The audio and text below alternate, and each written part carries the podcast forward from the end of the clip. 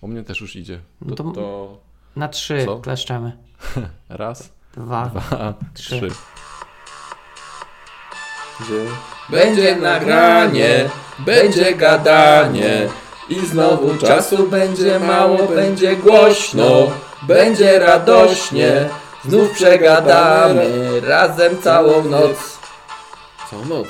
No noc miało być. Cześć, słuchacie podcastu Ostra Piła. Jest to odcinek 43, ten, w którym rozmawiamy o tym, czy praca zdalna się. Sprzed mikrofonu witają się Paweł Łukasik. Andrzej Bargański. Paweł Dulak. i Jarek Stadnicki. Ciekawe, czy nasi goście znają e, adres strony domowej internetowej? www.ostrapiła.pl Zarobiście. A kontakt mailowy? Kontakt, Kontakt. kontakt małpa ostrapiła.pl Dobrze, świetnie. E, dobra, nie będę was męczył. Paweł?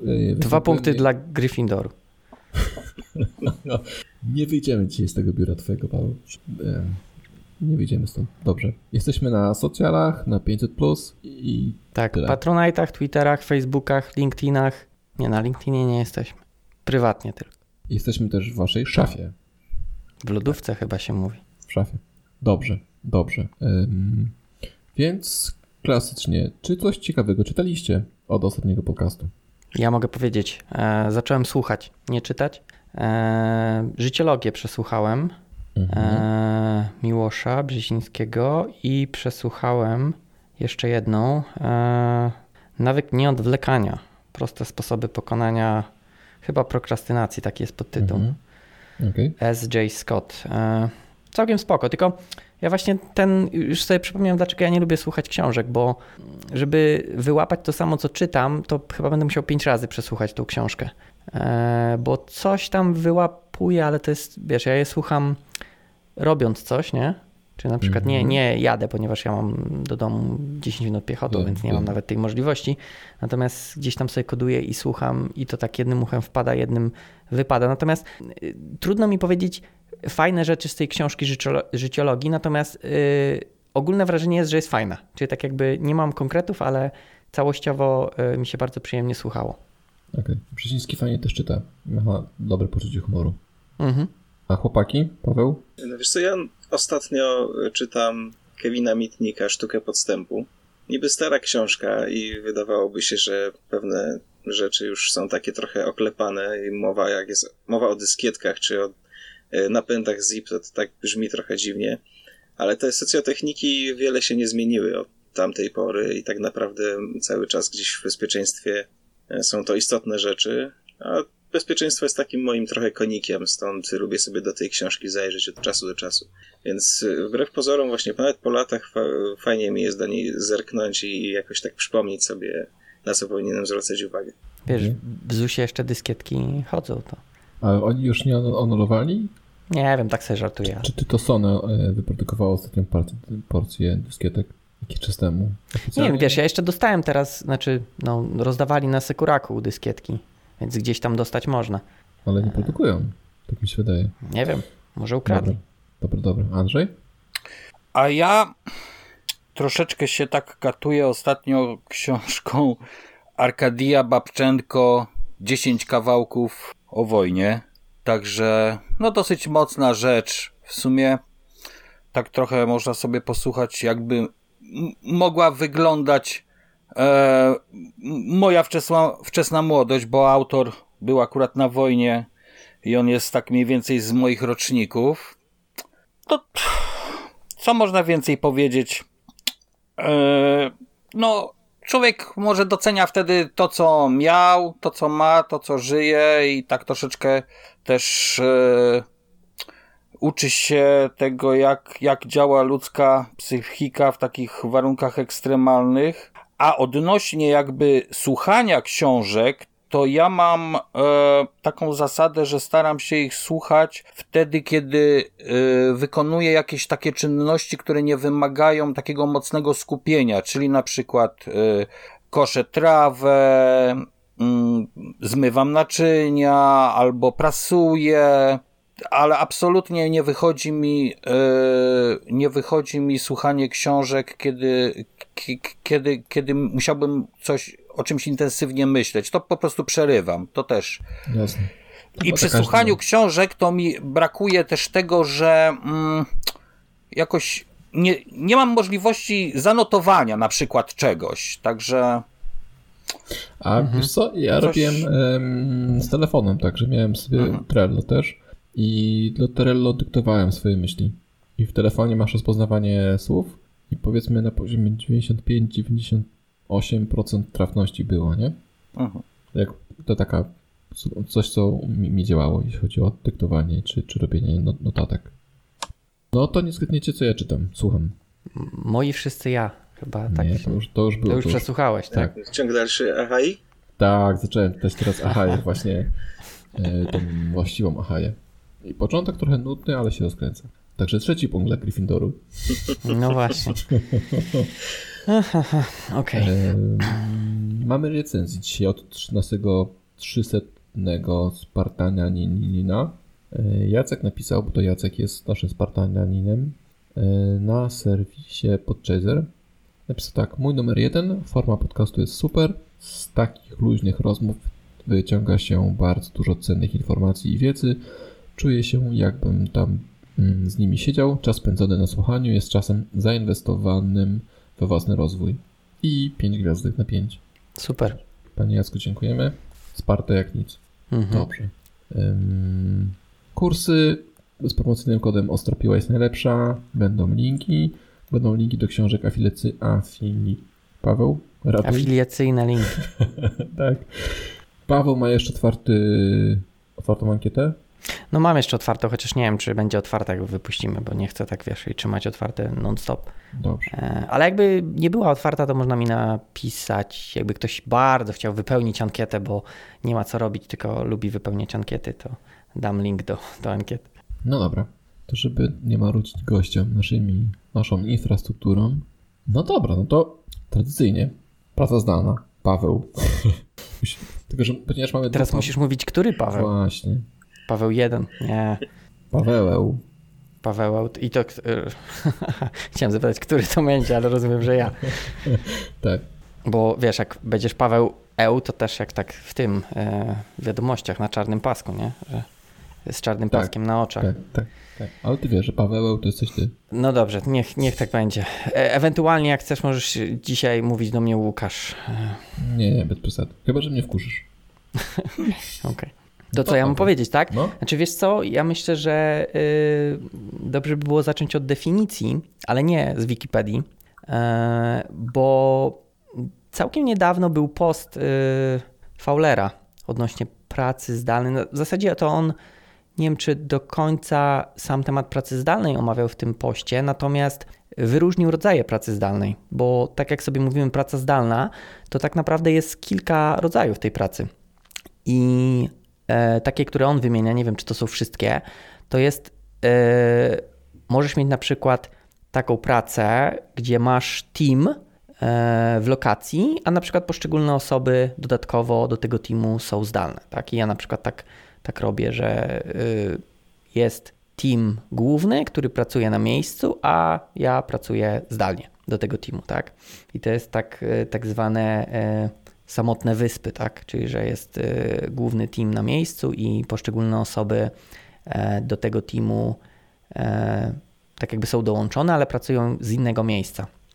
Innym rodzajem jest tak naprawdę, że macie e, dwie lokacje, znaczy niekoniecznie dwie, ale mogą być dwie lokacje. Obie są tak jakby w budynkach i tam nie jest w każdej lokacji więcej niż jedna osoba i no i tak jakby pracujecie nad wspólną rzeczą. A trzeci chyba, który on podał, no to taka powiedzmy, ja to nazwę prawdziwa praca zdalna, czyli że każda osoba w zespole pracuje z innego miejsca. Więc wydaje mi się, że dobrze e, zacząć od tego, że są tak naprawdę różne rodzaje pracy zdalnej i one się charakteryzują różnymi e, plusami, minusami. Mhm. I ta praca zdalna z się, czy nie?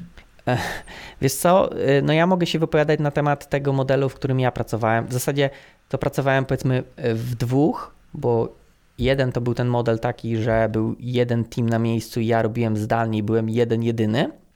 Teraz pracuję w takim trybie, że są dwa zespoły, na miejscu i zdalnie parę osób, więc to jest taki e, trochę bardziej mieszany tryb. I powiem Ci tak, jeżeli, w zasadzie powiem Wam, muszę się przyzwyczaić, że nie jesteś jedyny dzisiaj. E, jak pracowałem w tym trybie, że był cały team e, na miejscu, a ja byłem jeden zdalnie, to było trochę e, wyzwań, że tak powiem, delikatnie mówiąc. E, to jest bo to, co Hasselmann kiedyś opowiadał, nie? że trzeba walczyć o uwagę chyba, nie? Tak, dokładnie. To jest tak, że mm, nie to, że coś celowo, ale no, często tak jakby się zapomina o tej osobie, tak? Mhm, Mamy jakiś, y, ktoś powie, no chodźcie zróbmy jakiś tam ad hoc meeting, tak? Nawet e, powiedzmy w tej chwili się nie myśli o tej osobie, tylko gdzieś tam się idzie i, i coś się ustala. E, no a ty potem dopiero się dowiadujesz, jak ktoś sobie przypomni, że okej, okay, no dobra, mamy tam osobę, która robi, może warto by było ją poinformować, że coś tam ustaliliśmy. E, I to są takie, takie właśnie rzeczy, które powodują, że ta osoba, tak jak właśnie Fowler napisał, jest bardzo często pewnie nie świadomie i nie specjalnie. No, niespecjalnie izolowana. I to są te wyzwania i, i, trudności, które się wiążą z pracą zdalną w takim trybie. E, teraz to, co mamy, jest, jest dużo większy nacisk położony na to, że faktycznie ten zespół jest rozproszony, ponieważ jest i tak rozproszony na dwie lokacje dodatkowo, no to już tak to nie boli. Tak? Jest dużo więcej jest taka równowaga, nie? Tak. Znaczy zdarzają się jakieś rzeczy, że faktycznie sobie coś tam ustalają osoby na miejscu, ale to tylko w sytuacjach, gdy faktycznie no, te pozostałe osoby nie są konieczne, tak? No bo nie musi być tak, że wszystkie osoby są konieczne, żeby coś ustalić, tak? E, to nie jest tak, że wszystkie decyzje musi podejmować ileś tam osób e, naraz, więc tutaj e, na pewno to jest istotne, żeby jeżeli ta praca zdalna, którą firma robi, nie jest taką faktycznie zdalną, że wszyscy są w innej lokacji, to trzeba uważać na takie e, wyautowanie tej osoby, która, która pracuje mhm. zdalnie. I wtedy wydaje mi się, że może e, ssać ta praca, tak, że się ta mhm. osoba czuć e, no, takim outsiderem, tak. Mhm. Andrzej? Boże, czuję się jak kierownik produkcji. Product manager jesteś. O, Odcinka 43. Podcast manager. tak.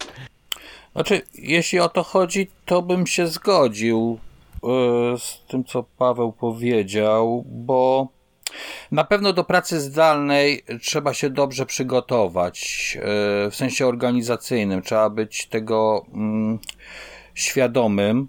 To, to będzie ssało faktycznie, jak to będzie takie jakieś bez zastanowienia, bez organizacji y, wykonywane i wtedy, i wtedy ta, ta osoba taka, jak jest jedna, no to faktycznie może nie fajnie się czuć, taka trochę może być, może być ignorowana.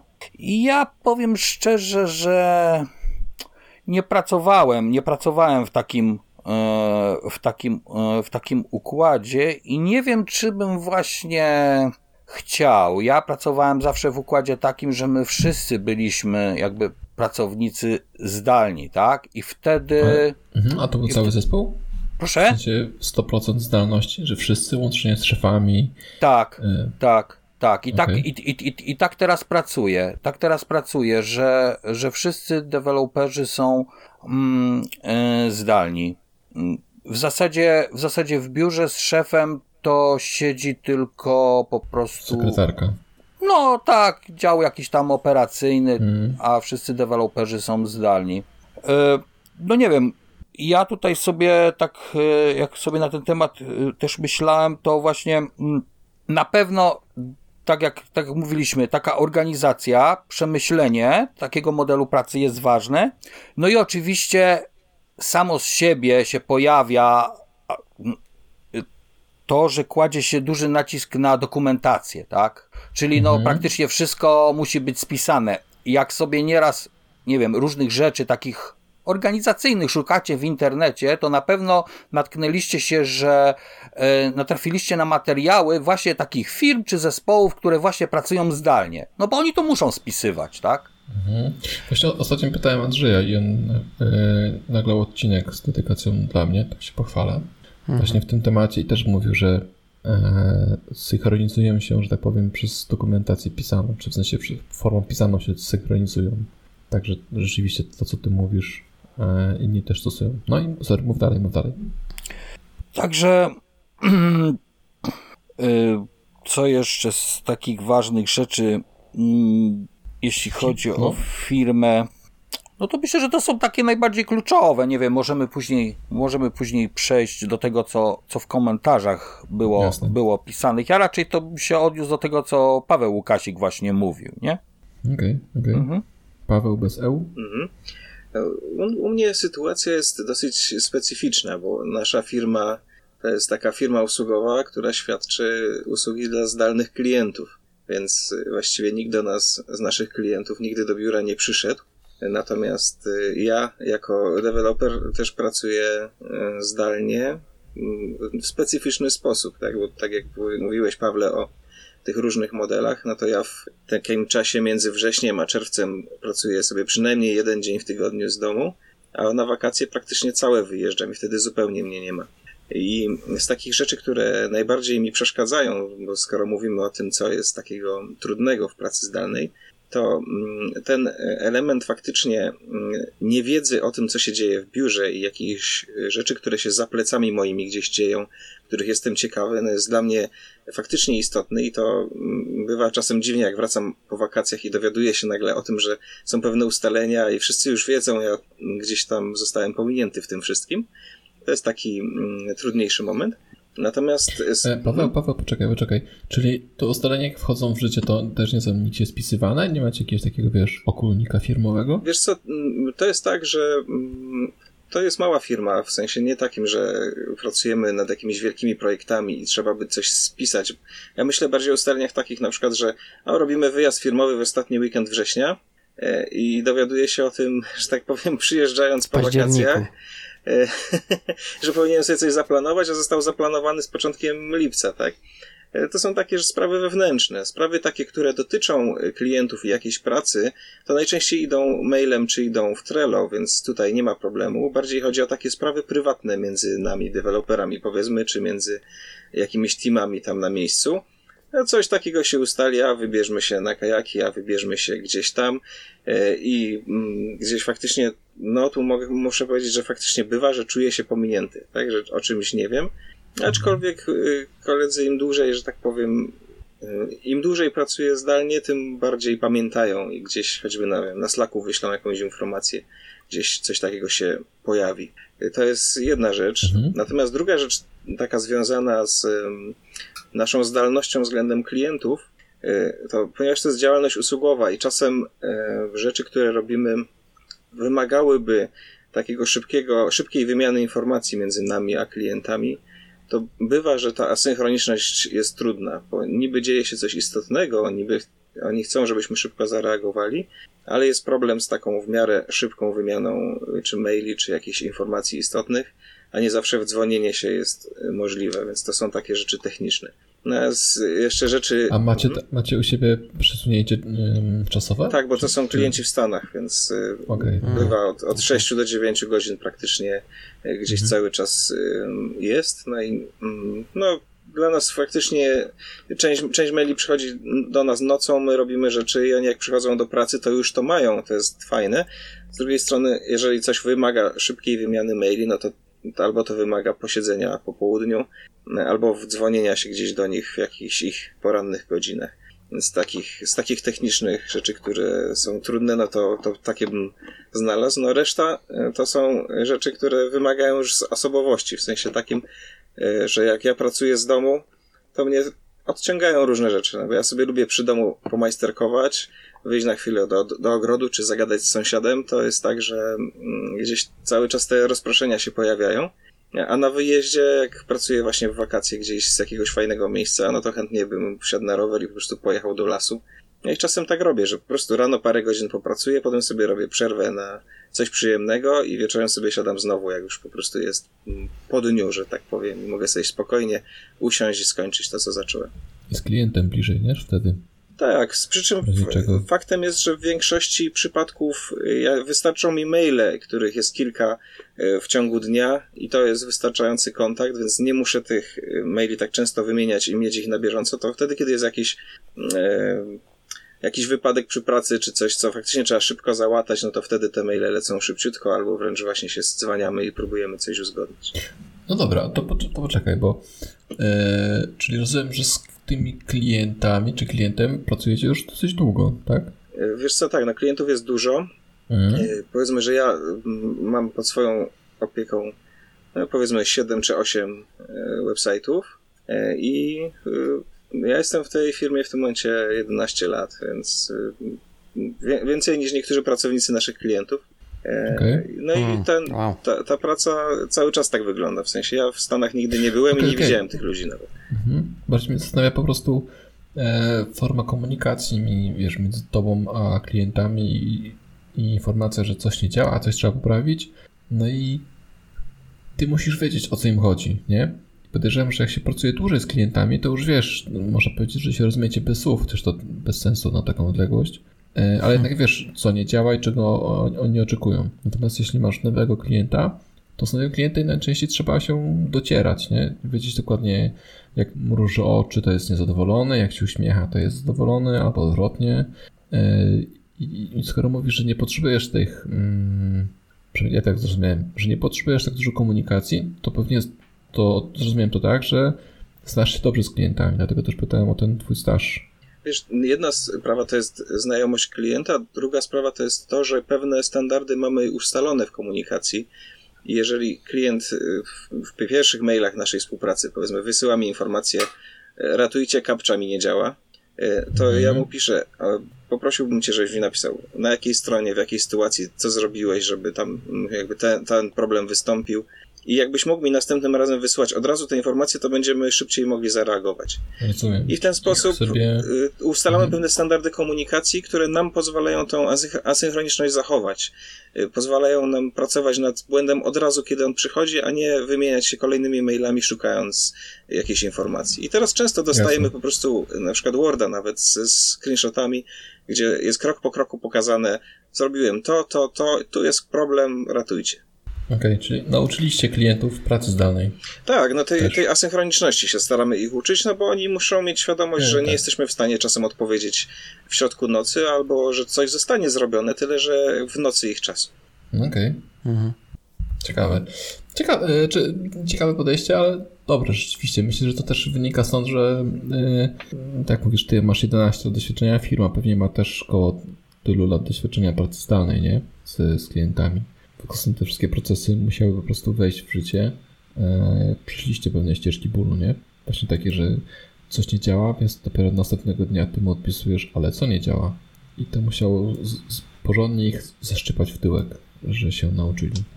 Wiesz co, no u nas jest coś takiego jeszcze jak taki telefon ratunkowy, gdzie mogą zadzwonić, przy czym mhm. najczęściej e, osoba, która odbiera, bo to jest przekierowywane tam w odpowiedni sposób, e, tylko notuje, co się dzieje. Jeżeli coś naprawdę bardzo się sypie, to wtedy dzwoni do kogoś, kto się takim klientem zajmuje. Natomiast e, w większości wypadków to są e, rzeczy, które właśnie wymagają dobrego opisania i wtedy dopiero trafiają do kogoś, kto się tym zajmie.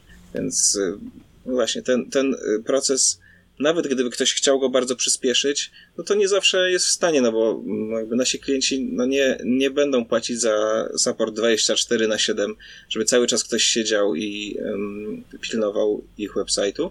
E, więc e, to wypracowanie tych standardów wystarczyło, żeby tą asynchroniczność gdzieś e, jakoś fajnie ułożyć. Okej. Okay, okay. No to jest to, co tak naprawdę zawsze mówisz, Jarek, że wiesz, to inny sposób komunikacji więcej kosztuje po prostu, tak? Jak trzeba wymienić maila jeszcze, jeżeli to jest e, początek, koniec dnia, dzisiaj okazuje, że e, wiesz, dostaniesz odpowiedź za, nie wiem, 24 godziny, no to następnym razem się nauczysz i wyślesz od razu informację. E, tak, tak, jest... tak, no jasne. Hmm. Takie best, best practices. No tak, ale to, to się po prostu po pewnym czasie uczy. Ja też widzę w tam innych projektach też często były takie maile, no, że nie działa coś tam, albo jakieś szczątkowe informacje, a później wiesz, jeżeli po kilku razach pisze się proszę podesłać to, to i to, no to już później następnym mailem dostajesz to, co nawet nie musisz już pytać, tylko dostajesz, e, nawet jeżeli to ci nie jest, nie jest to potrzebne, tak, to, to, mhm. to dla, dla jakiegoś tam wiesz, mhm. e, świętego spokoju woli wysłać, żeby nie dostać zwrotki, że proszę wysłać to. E, no.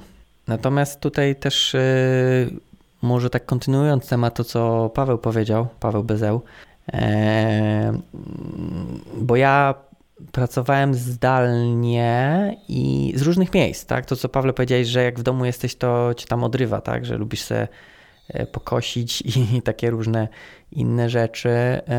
To ja tak miałem właśnie jak, jak pracowałem z domu, bo też długo pracowałem z domu zanim się wyniosłem.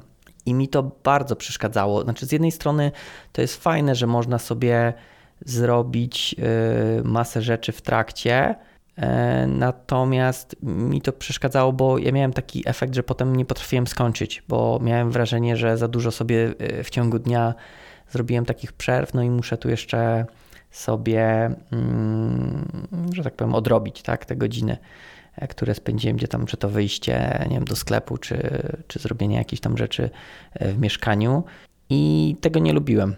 Znaczy, mówię, no z jednej strony fajnie, że można było to zrobić, ale później siedziałem za długo za długie godziny, żeby to, to odrobić. Ale to może też, wiecie, jestem trochę pracocholikiem, to może też dlatego nie potrafiłem e, jakoś tam przerwać.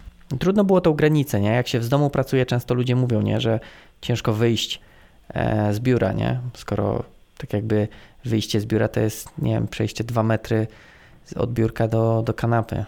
Nas, nie wiem, czy też tak mieliście. U nas, czy u mnie właściwie dobrze działa to, że ja tak czy siak dosyć pedantycznie loguję czas, ponieważ nasi klienci płacą za godziny, więc staram się, jeżeli siadam do roboty, to wiedzieć dla kogo pracuję w danym momencie i od kiedy do kiedy. Więc nawet jak sobie robię, ja lubię wtedy we czwartki, kiedy pracuję z domu, lubię sobie wyjść w środku dnia na trening, wracam i robię dalej.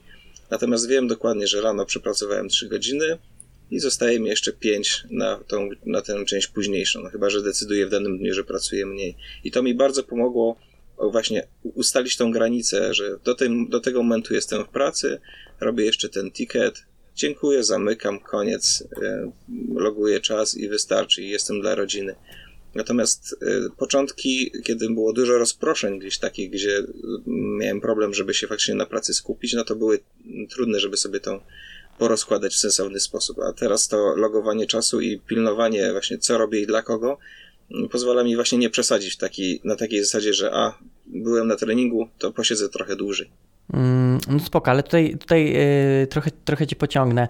Yy, a nie masz tak, że na przykład yy, rodzina gdzieś tam, wiesz, przyjdzie na chwilę, coś zapyta, no bo zakładam, że Y, jak ktoś, nie wiem, nie wiem w sumie czy masz żonę, ale powiedzmy przyjdzie żona, zapyta cię coś, y, no to nie przerywasz timera, tak, na nie wiem, trzy minuty, żeby jej odpowiedzieć i no chyba, że tak robisz, ale e, tego typu rozpraszacze też powodują, że ten, no to się tak trochę rozmywa, przynajmniej dla mnie tak było, tak, że miałem, że ok, ja też czas loguję, to nie jest tak, że, że nie loguję, natomiast no miałem takie wrażenie, że jednak e, jakoś to się wszystko tak nie do końca e, powiedzmy spina tak, jakbym chciał może, tak? E, nie wiem, czy masz takie problemy, że, że cię też powiedzmy jak jesteś w domu, to wszyscy uważają, że ty jesteś w domu, tak, mimo że pracujesz, nie? Mhm.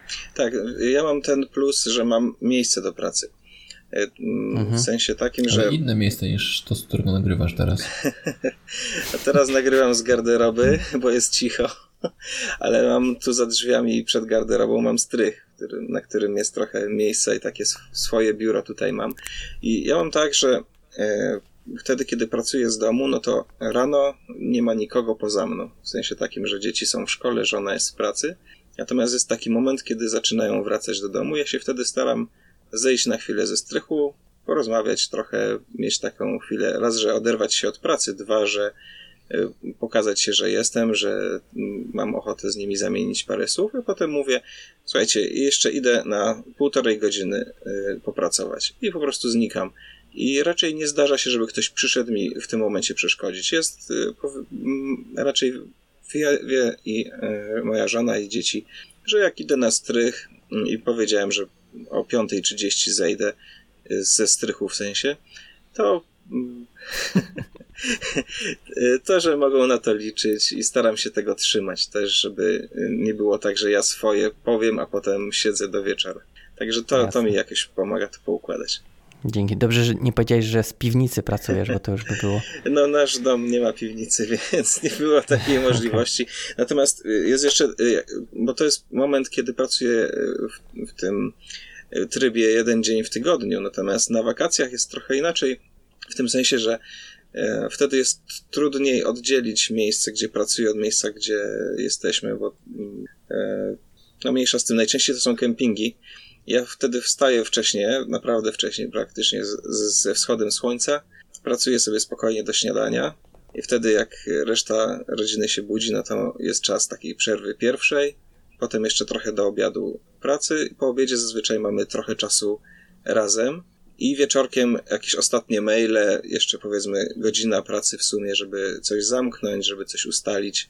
Mm, to jest taki rytm, który też musiał być wypracowany, bo jak pamiętam pierwszy, pierwszy raz parę lat temu mm, wybraliśmy się na Mazury w ten sposób, e, spędzić wakacje, że ja e, miałem częściowo pracę ze sobą, a, a tylko częściowo byłem z rodziną na wakacjach to te ustalenia zajęły trochę czasu. Jak to poukładać w ciągu dnia, żeby z jednej strony nie było tak, że e, nie ma mnie w pracy i szef narzeka, że pojechałem, miałem pracować, a nie pracuję, a z drugiej strony, że rodzina e, widzi mnie wyłącznie przy komputerze, a jak już wstaje, to już jest wieczór i właściwie nie da się nic ciekawego zrobić. Więc to było wszystko kwestia poukładania mm, tego życia i e, też jakby nauczenia się wzajemnie w rodzinie, jak to u nas ma funkcjonować, żeby to było z zyskiem dla jednej i dla drugiej strony. Jasne. Andrzej, jak u ciebie wygląda? No właśnie podobnie i to jest, to jest bardzo ważna rzecz. Trzeba to po prostu wszystko w rodzinie obgadać właśnie i to dosyć dokładnie, że pomimo, że na przykład zostaję w domu, to jestem w pracy, tak. E, ja myślę, że w pracy zdalnej na pewno, na pewno w, w, e, wzrasta taka świadomość spędzonego czasu.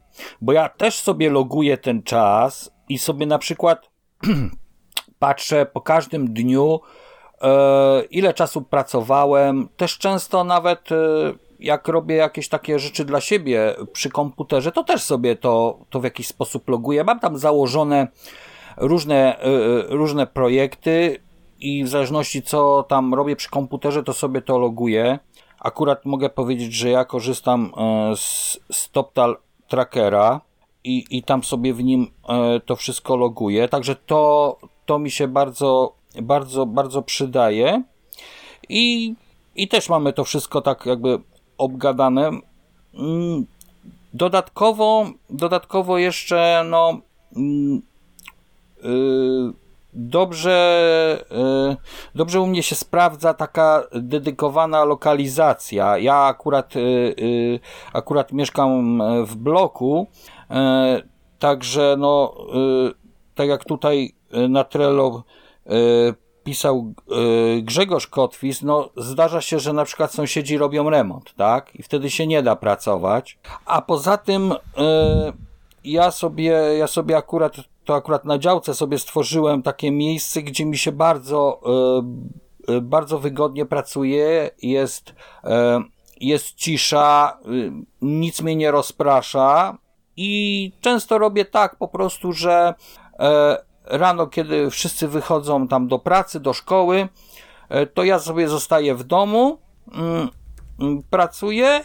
Jak, jak się schodzą dzieci ze szkoły, no to tam chwilę z nimi e, zamienię mm, parę słów właśnie i, i sobie po prostu robię spacer, spacer żeby, na działkę, żeby tam dokończyć, e, dokończyć jeszcze, jeszcze pracę, tak?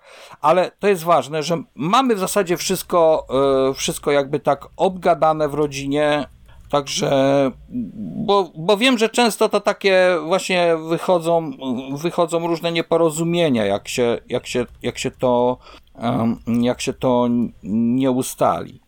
A powiedzcie mi, bo ja, bo ja sobie właśnie mam takie plany, żeby pojechać na wakacje, ale z, z pracą. Mhm. Ile, ile czasu wam zajęło takie właśnie dogadanie się z rodziną, żeby zrozumieli, że, że, że pracujecie? Czy macie jakąś naklejkę, albo nie wiem, składacie czapkę pracownika i wtedy wiedzą, że nie podchodzi, czy, czy, coś inaczej? E, to, to może ja powiem tak w dwóch słowach. E, my jeździmy kamperem i w momencie, kiedy widać, że siedzę z przodu na siedzeniu pasażera i mam laptopa przed sobą, no to ja jestem wtedy w pracy. I staram się też trzymać tego, że w momencie, kiedy nie pracuję, chcę się chwilę rozerwać, to schodzę z tego miejsca, żeby było wiadomo, że y, nie robię tam bzdur. Tylko jak już tam siedzę, to jestem w pracy. I, I, takie ułożenie tego nam zajęło trochę ponad tydzień, mogę powiedzieć, może dwa y, naszych, naszego pierwszych takich wakacji, kiedy w ten sposób wyjechałem. Przy czym jeszcze jedną rzecz jakby chcę dopowiedzieć. Y, w czasie jakby tych wakacji, kiedy wyjeżdżamy gdzieś, ja mam dwa tygodnie wakacji, wakacji, wtedy kiedy zupełnie nie pracuję. Więc to też nie jest tak, że podczas wakacji ja cały czas codziennie jestem w pracy, tylko jest powiedziane, że na przykład lipiec yy, cały jestem w pracy, ale na wyjeździe. Pierwsze dwa tygodnie sierpnia jestem zupełnie dla rodziny i później jakby końcówka sierpnia znów jest taka praca yy, po kawałku gdzieś z, z zewnątrz. No i yy, tak jak pytałeś, no, można powiedzieć, że ze dwa pierwsze tygodnie to było takie docieranie, jak to ma wyglądać, E, I, I wystarczyło. Wystarczyło, żeby to poukładać i, i żeby było dobrze. A dzieciaki? Jeszcze, jeszcze, jeszcze a dzieciaki? Czy wiesz, też, tak, też tak szybko złapały to? Wiesz co, nie wiem, z dziećmi to chyba nie jest yy, taki duży problem w momencie, kiedy jest ładnie, to one w ogóle sobie znajdą same zajęcie i można powiedzieć, że czasem a, rodzice im tak, bardziej tak. przeszkadzają niż pomagają.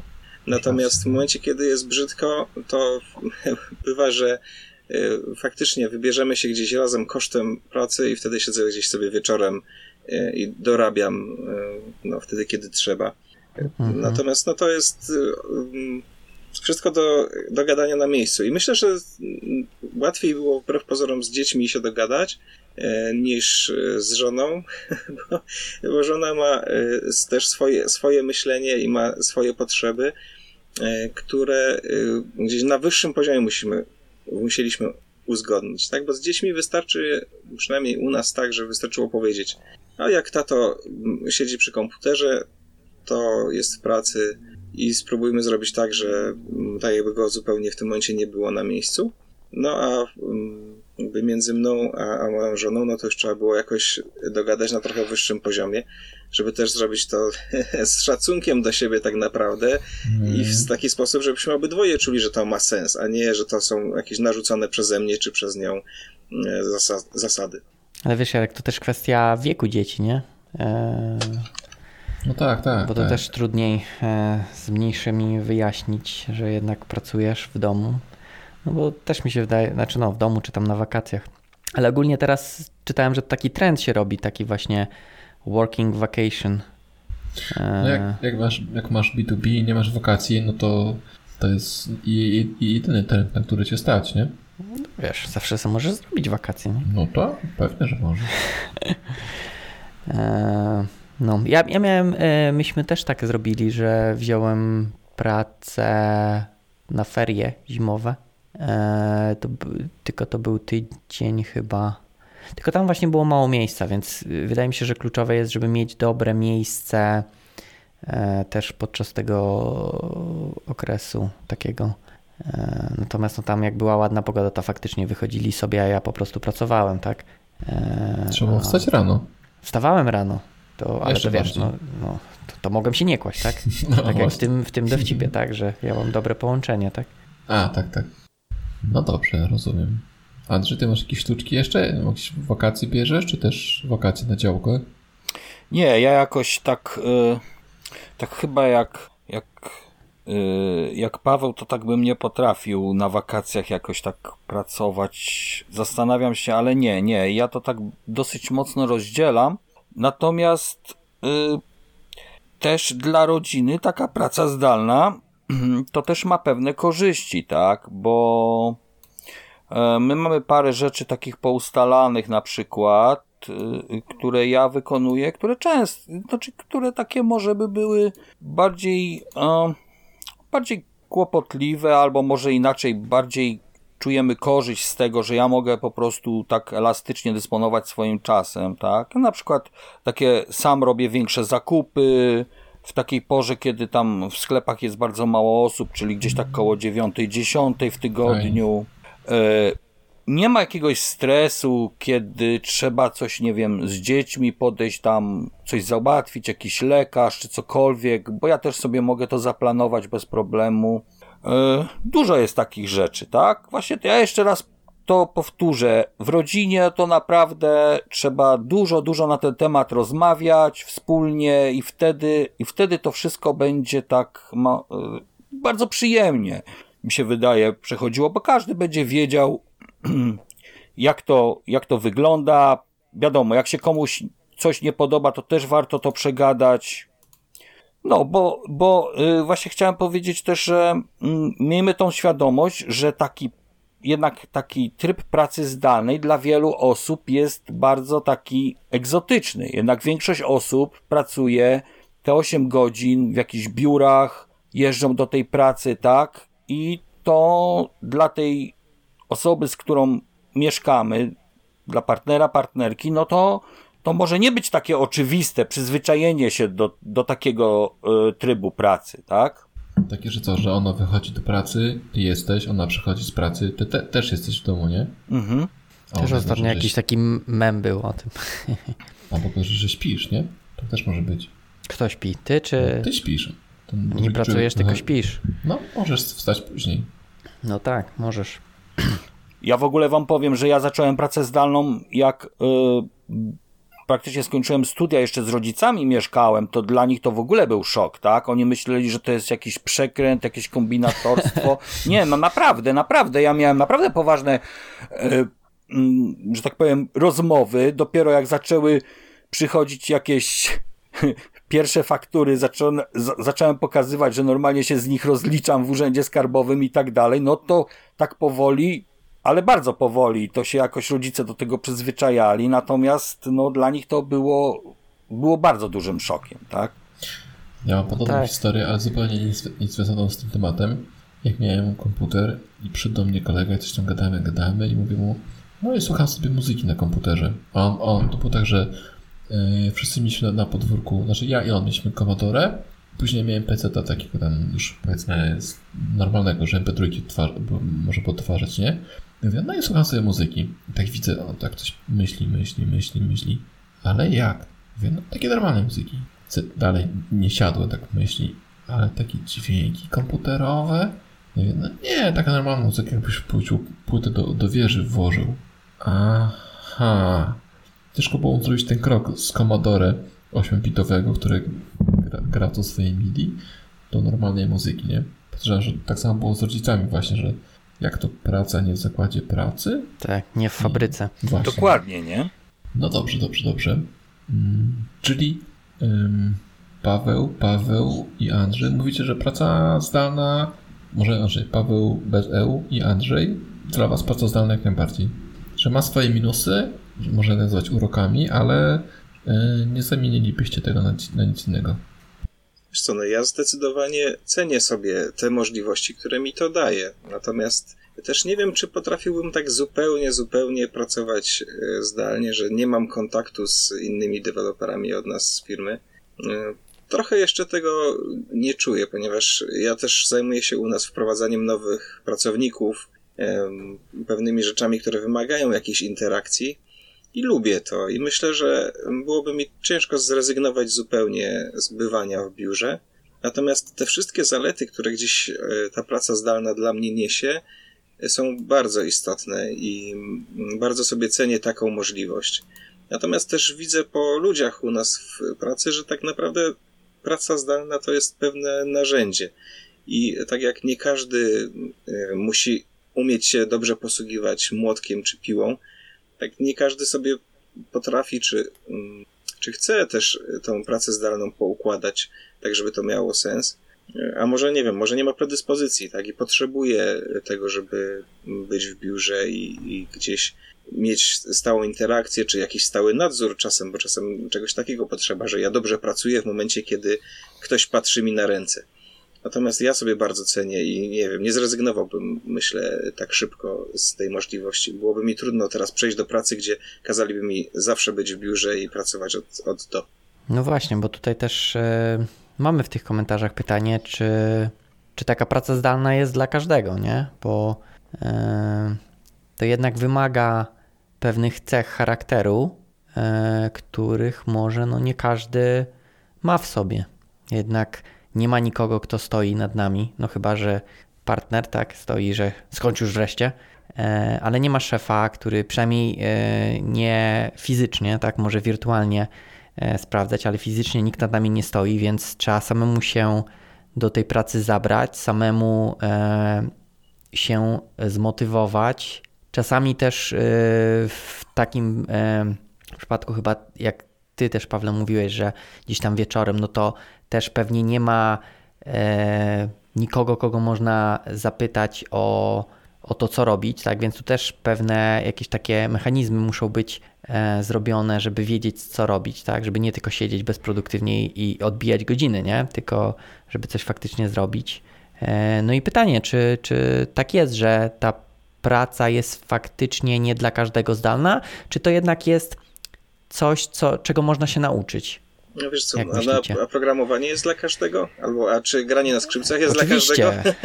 albo e, albo no, czy bycie ślusarzem jest dla każdego? No ja myślę, że to każdy... Mm, to, ja bardzo mm, y, mm, czuję ten, to, to porównanie do narzędzia, no bo ta praca zdalna jest, jest pewnym narzędziem tego, w jaki sposób y, piszemy kod, powiedzmy, tak? I też tak jak jeden lubi z Vima korzystać, jak ktoś inny z Visual Studio, to też są narzędzia, które gdzieś wybieramy. I dla mnie ta praca zdalna jest bardzo jakby mm, no, widzę ją pod kątem narzędzia, no więc jeżeli ktoś umie, umie go używać, czy chce się go nauczyć używać, czemu nie?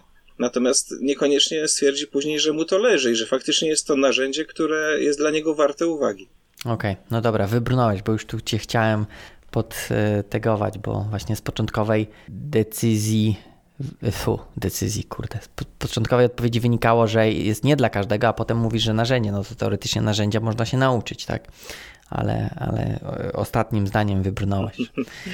że może nie, faktycznie nie spasować e, komuś. E, no tak, ale może nie spasować, a, ale nadal to jest coś, co jest się ktoś w stanie nauczyć. Można e, próbować. Można próbować. I można to potraktować też jako taki samorozwój, tak? I podejść do tego właśnie mm, tak, yy, tak jak w tej książce Miłosz Brzeziński też pisze, że po prostu no, nie spinać się, tak? Nie wyszło mi za pierwszym razem, tak yy, tak jak, yy tak jak tam na Trello mm, ktoś napisał właśnie też, że że za pierwszym razem nie wyszło, ale po iluś tam latach spróbował jeszcze raz a, to Konrad Kokosa tak napisał. Tak, i, i się udało, tak? Bo mm, ja tak sobie czasami myślę, że to jest taka praca też dla takich e, deweloperów dojrzałych, tak?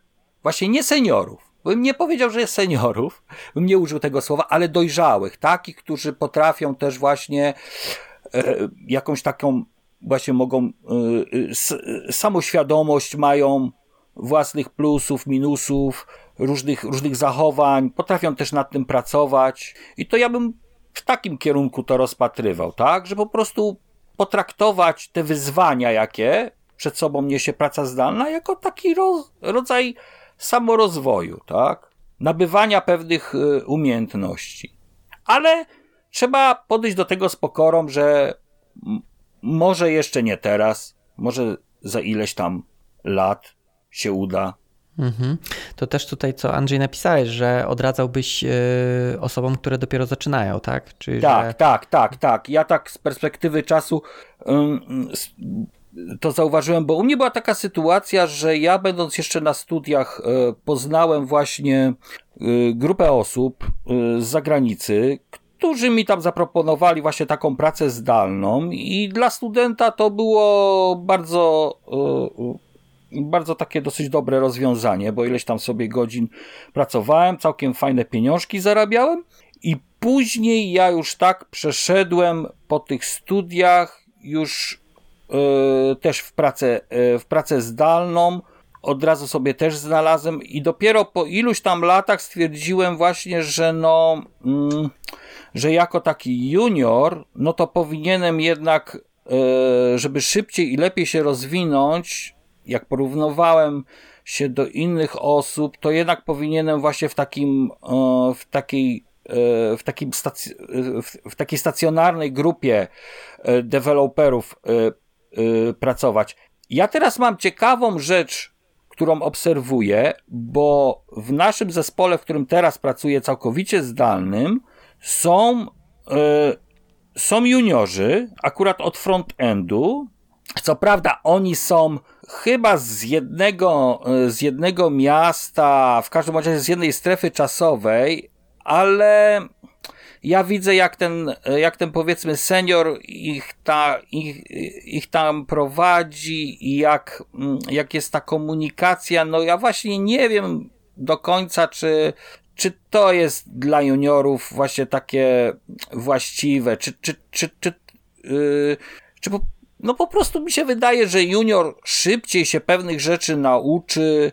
Yy, on zresztą też jest w takim też i młodym wieku, że że on powinien z seniorami raczej stacjonarnie pracować. Tak jest moje zdanie.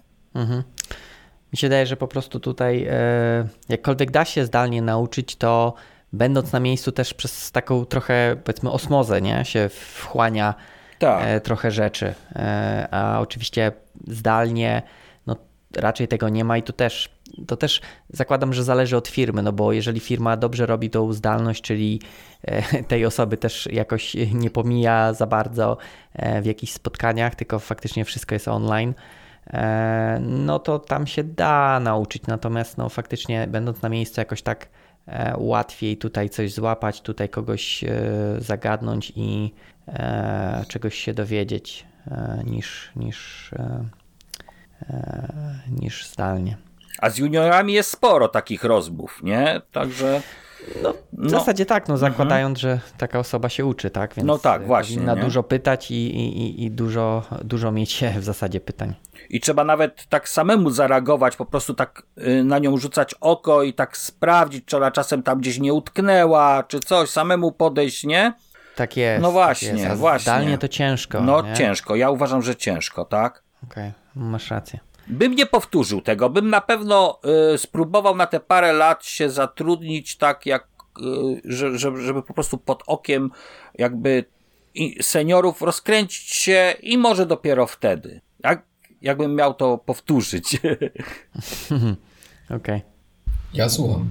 Cały czas. Ja, słuchasz, tak? Tak. Co dzisiaj będziesz cichym e, Muchą na ścianie będziesz. Cichym podcast menadżerem będziesz. Cichym podcast menadżerem. Dobra, no to yy, okej. Okay. Yy. W czytanie ty jesteś lepszy, więc jakby coś możesz spokojnie czytać. A, ale dzisiaj nie, nie chcę mi się czytać. Yy, za dużo? Za dużo, tak. Ale tu tak będę tak wyłapywał i wyłapałem tutaj kolejną, kolejne takie pytanie. Pewnie 50 innych pominąłem. Natomiast yy, a, tak sobie przypomniałem, zapomnieliśmy wymienić ojców Tak, tak, spokojnie. Koniec, eee, Adrian e, pytał, jak przekonać pracodawcę, Adrian Mularczyk, nasz patron, eee, jak przekonać pracodawcę, zespół do tego, aby pozwolił pracować zdalnie? Bo to jest, może nie powiedziałbym problem, ale sporo firm się nie decyduje na to. I też była taka, powiedzmy, e, nie wiem czy słynna to jest dobre słowo, ale Yahoo.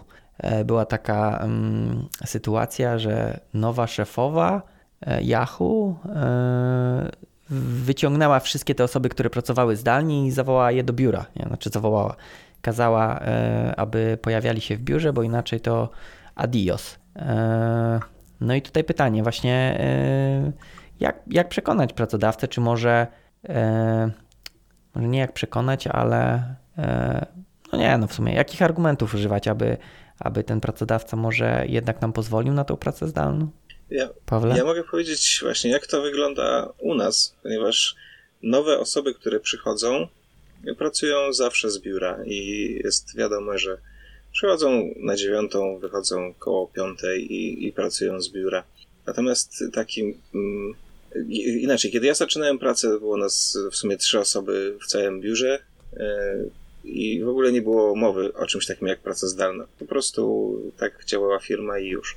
Natomiast e, w momencie, kiedy pojawiła się taka możliwość, żeby wpiąć się VPN-em w, pewne, w pewną infrastrukturę i faktycznie popracować gdzieś z zewnątrz, e, to pierwszy tak naprawdę szef zaczął, bo gdzieś wyjeżdżając brał ze sobą laptopa i wpinał się i przynajmniej maile sprawdzał.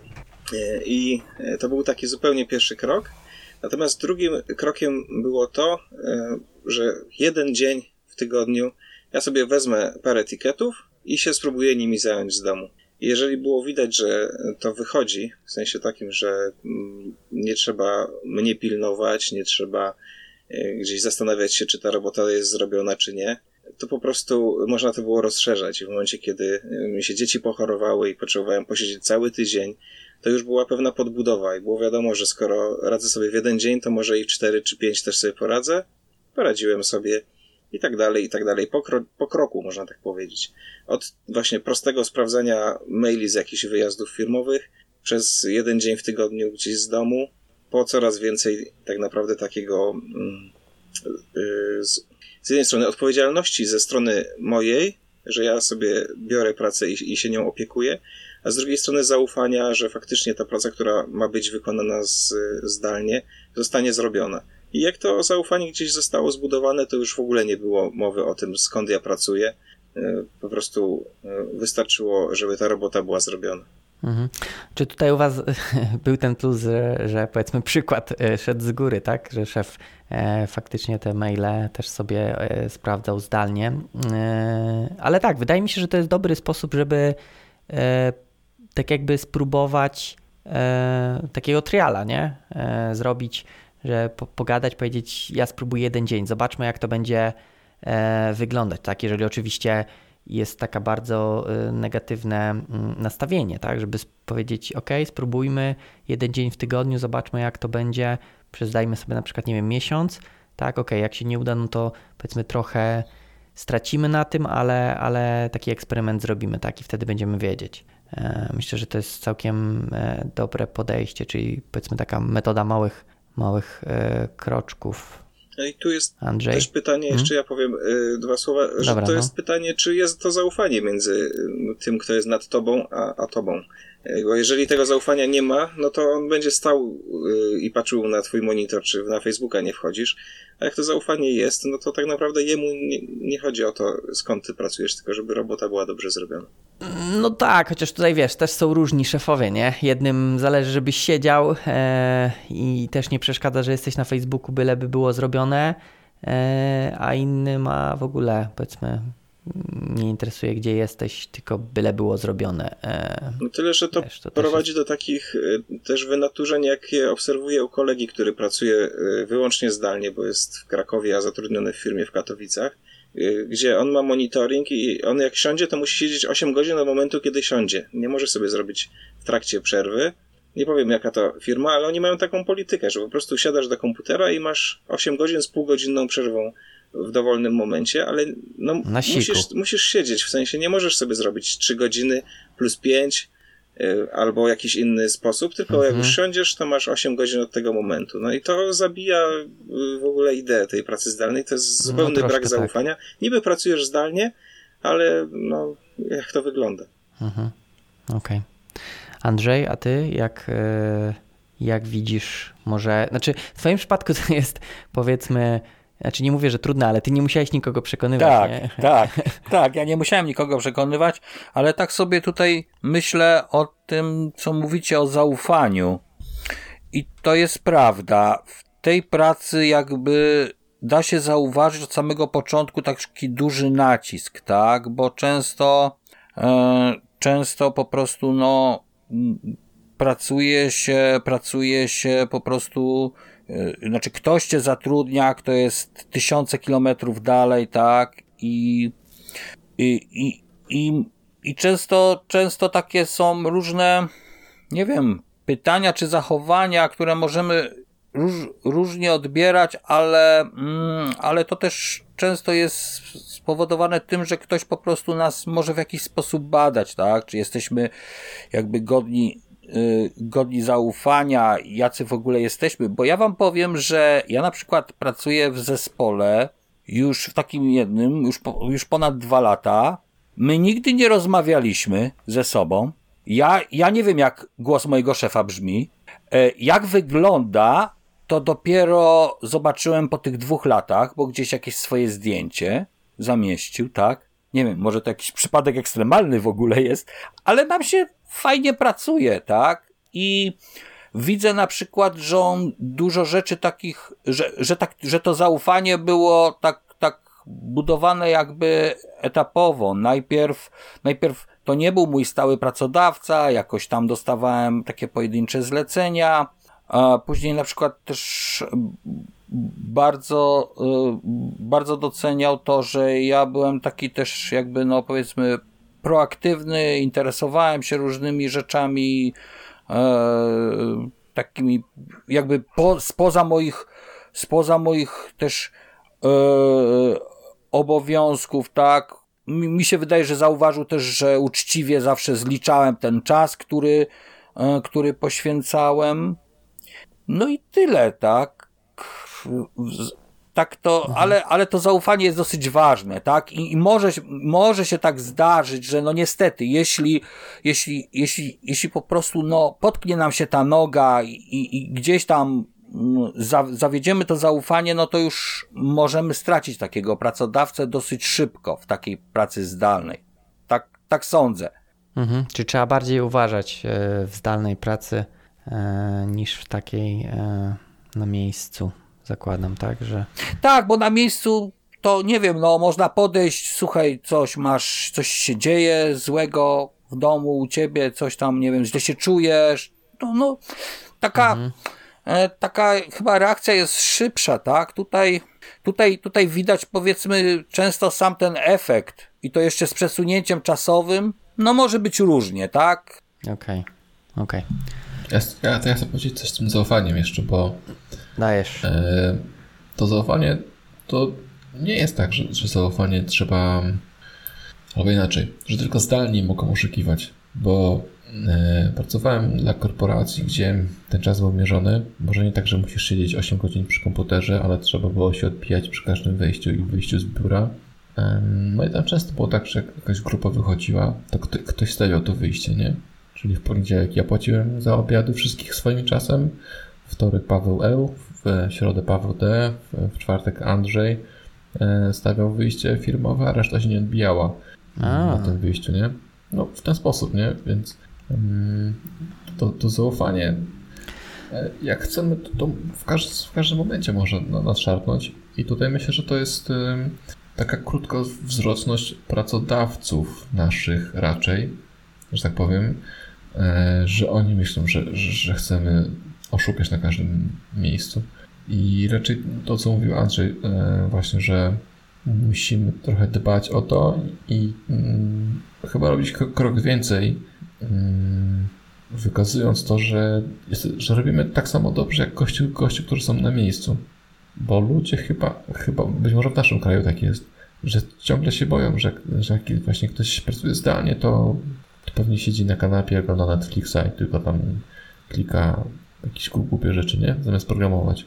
Dopóki tego zaufanie się nie zbuduje, to jest trudniej. Mhm. Ale wiesz co, chciałem tak jeszcze ten wątek podpytać ciebie e, no. z, tym, z tym odbijaniem jednej osoby, ale a może e, to było tak, że wiesz, pracodawca, pracodawca był świadomy tego procederu. Czy tylko, wiesz, to korporacja, tak, więc no właśnie, mają no to trochę wyłożone, nie?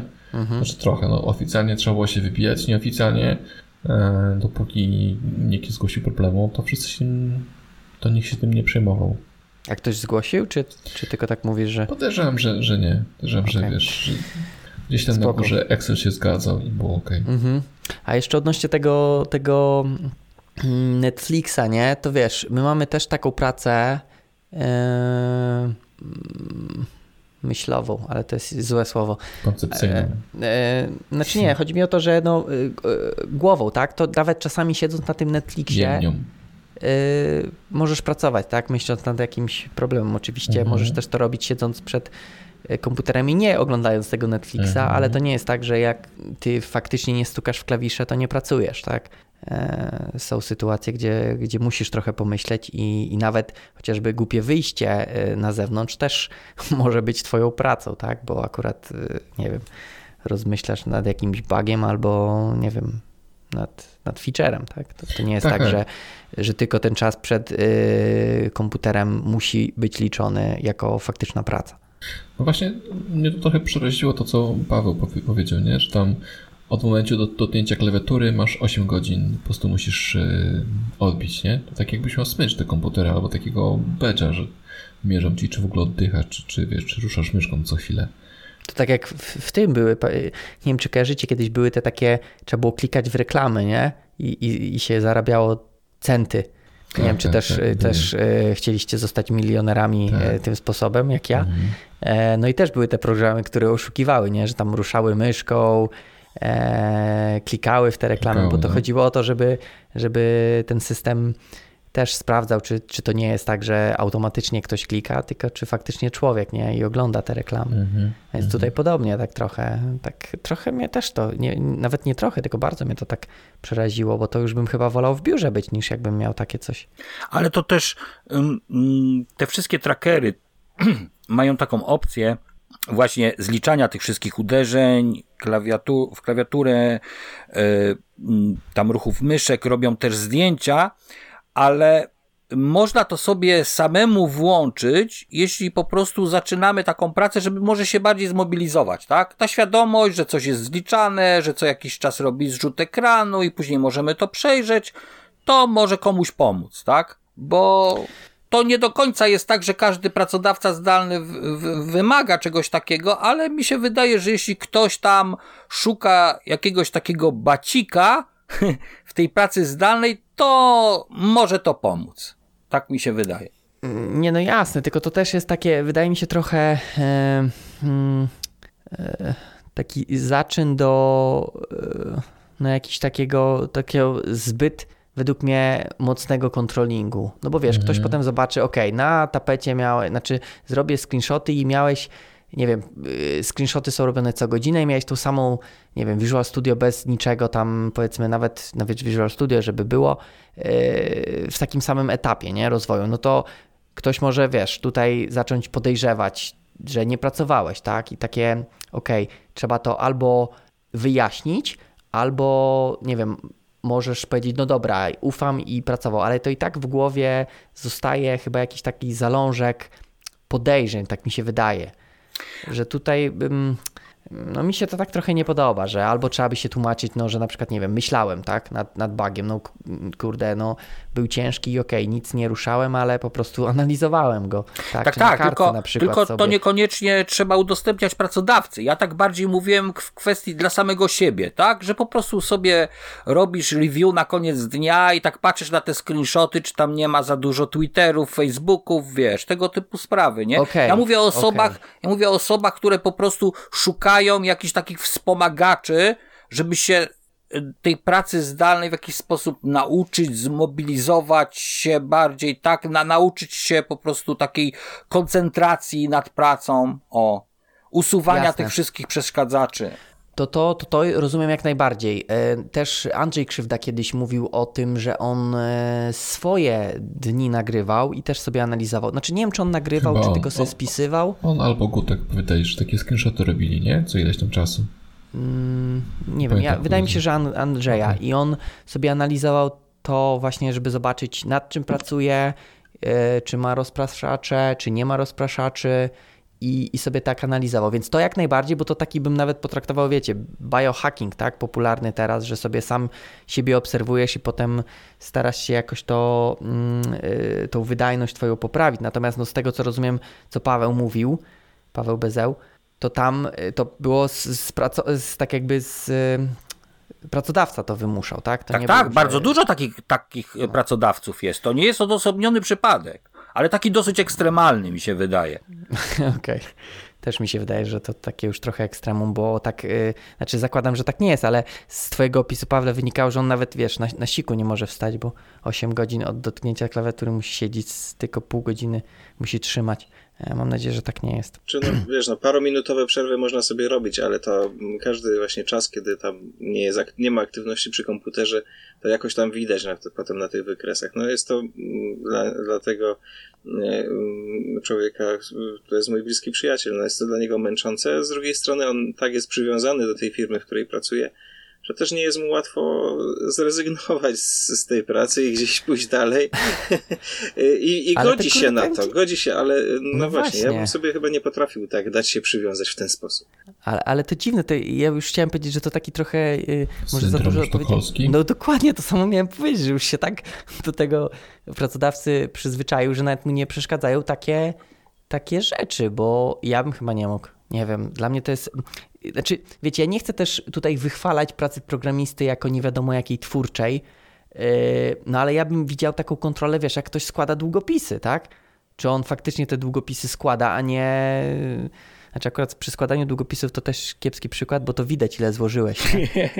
Yy, no kurczę, to jest taka praca, że ja sobie nie mogę wyobrazić, że okej, okay, że nie mam. Yy, nawet to, że czasami dobrze sobie tą przerwę zrobić w środku dnia, nie? Siedzisz, nie wiem, od rana nad jakimś bagiem, no to okej, okay, mogę siedzieć kolejne trzy godziny, ale wiem, że nic mi to nie da, bo już mi głowa po prostu pęka i wolę sobie, yy, nie wiem, zrobić godzinkę teraz przerwy, pójść gdzieś tam, nie wiem, wyjść, zjeść, napić się kawy i, i wrócić za godzinę, tak? Niż, niż siedzieć, bo tak wymusza na mnie jakiś soft bo jak tego nie zrobię, to potem będę miał e, lukę, tak, w jakimś tam wykresie i ktoś gdzieś tam będzie to analizował. Nie wiem, e, bardzo dziwny to jest mm, przypadek dla mnie, ale no nie wiem, może, może to tylko ja się tak dziwuję nad tym. Może jest faktycznie e, więcej takich e, rzeczy. Ja, ja też zastanawiam nad tym, bo często pracodawcy właśnie e, źle podchodzą do kosztów, bo jeśli biorą człowieka i mu nie, nie ufają, tak, że ten gościu przepracuje dla nich powiedzmy 8 godzin, załóżmy, że dla prostego rachunku ten, ten człowiek dostaje 100 dolarów za godzinę, więc taki pracodawca mówi, o zaoszczędzę 100 dolarów, bo gościu się opierdziela, bo mnie oszukuje. Ale mm, jeśli mamy zaufanie do tego człowieka i dajemy mu oprogramowanie, czy właściwie dostęp do, do źródeł, to w tym momencie, jeśli my z tego zaczniemy zaufanie te, tego człowieka do nas, to przecież wyniesienie źródeł do innej firmy, czy w ogóle upublicznienie ich, kosztuje dużo więcej niż te cholerne 100 dolarów w ciągu godziny, którą zarobi, nie? Mhm. I często mam takie wrażenie, że, że pracodawcy nie kumają tego, że dając nam źródła, generalnie otwierają się przed nami po prostu tak, tak do końca, nie? No, masz źródełka, możesz sobie iść zrobić biznes albo iść do konkurencji i powiedzieć, patrzcie, tak robi to wasz największy konkurent, nie? Ja myślę, 100 dolarów możesz sobie wsadzić głęboko w buty. Że to jest takie selektywne zaufanie. Wiesz, ufam ci, że kodu nie wyniesiesz, ale nie ufam ci, że, że będziesz pracował. Będziesz znaczy, pracować, no właśnie. Wiecie, to też jest tak, że przecież okej, okay, praca nasza to też jakieś produkty tej pracy są, tak? Więc to okej, okay, po jakimś czasie widać, czy ktoś pracuje, czy nie. No okej, okay, może on nie pracuje na tak, można, może da się ukryć że ktoś mógłby pracować wydajniej niż pracuje, tak? Czy że robić coś, nie wiem, w 4 godziny to, co robi mm, aktualnie w 8, tak? No ale to, to też nie jest. Myślę, że po jakimś tam y, krótszym czy dłuższym czasie też to, Myślę, że to widać, widać tak? Mhm. Tak, ale na przykład pomaga chociażby taka krótka informacja, tak? Słuchaj, dzisiaj mało komitowałem, bo dużo czasu myślałem, jak to, jak ten problem rozwiązać. I koniec. I to naprawdę dużo daje, tak? Tak, tak. Jak sam wyjdziesz z takim czymś. Ja, ja myślę, że w ogóle w tej y, zdalnej pracy dużo daje komunikacja, nie? Co też nie, już no. mówiliśmy, że trzeba, trzeba się komunikować, bo, y, bo też ta druga strona nie wie, tak? Ma, ok, może mieć y, szczątkowe informacje, czyli na przykład log z pracy, ok, że 8 godzin i jeden błąd naprawiony, a poza tym no nie wie, co się działo, tak? Więc tutaj też faktycznie warto może jakąś taką bardziej szczegółową informację dawać. Tak mi się wydaje. Tak, i to, co mówiłeś o tej komunikacji, to możemy chyba powiedzieć, że no, dla osób, które mają problemy w tej komunikacji i myślą, że praca zdalna będzie jakoś ucieczką, no to to się nie uda. To nie jest hmm. ta droga. Dobra myśl, hmm. panie Andrzeju, to jest naprawdę dobre, co powiedziałeś. Rzeczywiście, E, tutaj pisał tutaj Konrad, nie? O tych introwertykach, że są w siódmym niebie, ale pod warunkiem, że ci introwertycy potrafią się komunikować, bo rzeczywiście, jeśli tak jest, że e, ten kościół siedzi w swojej piwnicy, tutaj patrzę na Pawła BSD, e, BSEO, przepraszam, e, który siedzi w piwnicy, ale się nie komunikuje ani z żoną, ani z, z pracownikami firmy, no to daleko nie pociągnie, bo Tak. nikt nie będzie wiedział, że ten człowiek istnieje, nikt nie będzie wiedział, że ten człowiek ma jakieś problemy, ten człowiek nic nie będzie też wiedział z firmy, żona też nie będzie wiedziała, że jest jakiś człowiek w piwnicy, pojedzie na wakacje bez niego, więc to wszystko się może w, w, z- w złym kierunku potoczyć, nie? No tak, czyli ogólnie trzeba się komunikować, nie ma wyjścia. Może Trzeba nawet patrzeć więcej. na, na, Mhm, na Myślę, że buty. tak, myślę, że więcej, no. Myślę, że to jest taka, taka właśnie em, takie wymaganie, że możesz pracować z domu, ale niestety to kosztuje więcej. Jak dojdziemy do podsumowania, to, to ja to przypomnę. Dobrze, Ja już mam podsumowanie, dobra. No. ty już się tak spisujesz, co będziemy mówić na podsumowanie. No, no, no, no. Ale jeszcze ym, chciałem, w sumie takie pytanie też mam, bo, bo u mnie w pracy ludzie chcą, chcą pracować zdalnie, natomiast ja jestem przekonany, że to jest strasznie ciężkie. E, Ja na przykład na to nie jestem gotowy i wolę chodzić do biura, ale właśnie też mm, pytałem Andrzeja o, trochę o to, mm, właśnie jak się komunikujecie z ludźmi w zespole, no bo jeśli wszyscy są w biurze, a wy jesteście z dala, to jesteście w czarnej, nie? To, musicie, to wy musicie robić takie po cały czas pule, to co ty mówiłeś, Paweł, że e, o wakacjach nie, się nie dowiedziałeś, tych wrześniowych i ty musisz tak naprawdę na tobie, s- e, że tak powiem, na to tej samotnej wyspie leży ta odpowiedzialność za, za to, żeby być na czasie, bo inni o tobie zapominają, czy to specjalnie, czy nie. I okej, i to to rozumiem. Natomiast zastanawia mnie, jakie, jak wygląda taka praca, że powiedzmy jest zespół 10-osobowy i jest projekt. I teraz jak ci ludzie ze sobą się komunikują? W sensie, jak oni, jak oni się ustalają na, wiecie, okej, zrobimy to w takiej architekturze, nie? Front z backendem będzie gadał w ten i ten sposób. Ja napiszę ten kawałek kodu, ty napiszesz ten kawałek kodu, jakoś się dogadamy. I wyobrażam sobie, że komunikacja jest między jeden a jeden najczęściej. Ktoś ma sobie mm, y, na jakieś tam taski są podzielone, te, te user story podzieliliśmy taski i w ramach poszczególnych tasków gadamy. Ale czy jest jakiś lider techniczny, który raz na jakiś czas, wiecie, dz- dzwoni do wszystkich, wspiera wszystkich, mówi ok, to idziemy w tamtym kierunku, taką będziemy mieli architekturę i sobie coś ustalamy, czy, czy, czy jak? E, Kieruj, Paweł, ły, Ja mam kierować. Znaczy, ja chcia, chciałem odpowiedzieć. odpowiadaj. E, tylko tak się zastanawiam, jak to, jak to ugryźć, bo dużo tematów tam e, Tak, wiem. poruszyłeś. No to mnie boli. Znaczy, e, o, o, ogólnie ja bym zaczął od tego, że z tą samotną wyspą jest ciężko. E, Jest ciężko dlatego, że no tak jak mówiłeś, jesteś pomijany czy chcesz, czy nie, nawet nie intencjonalnie.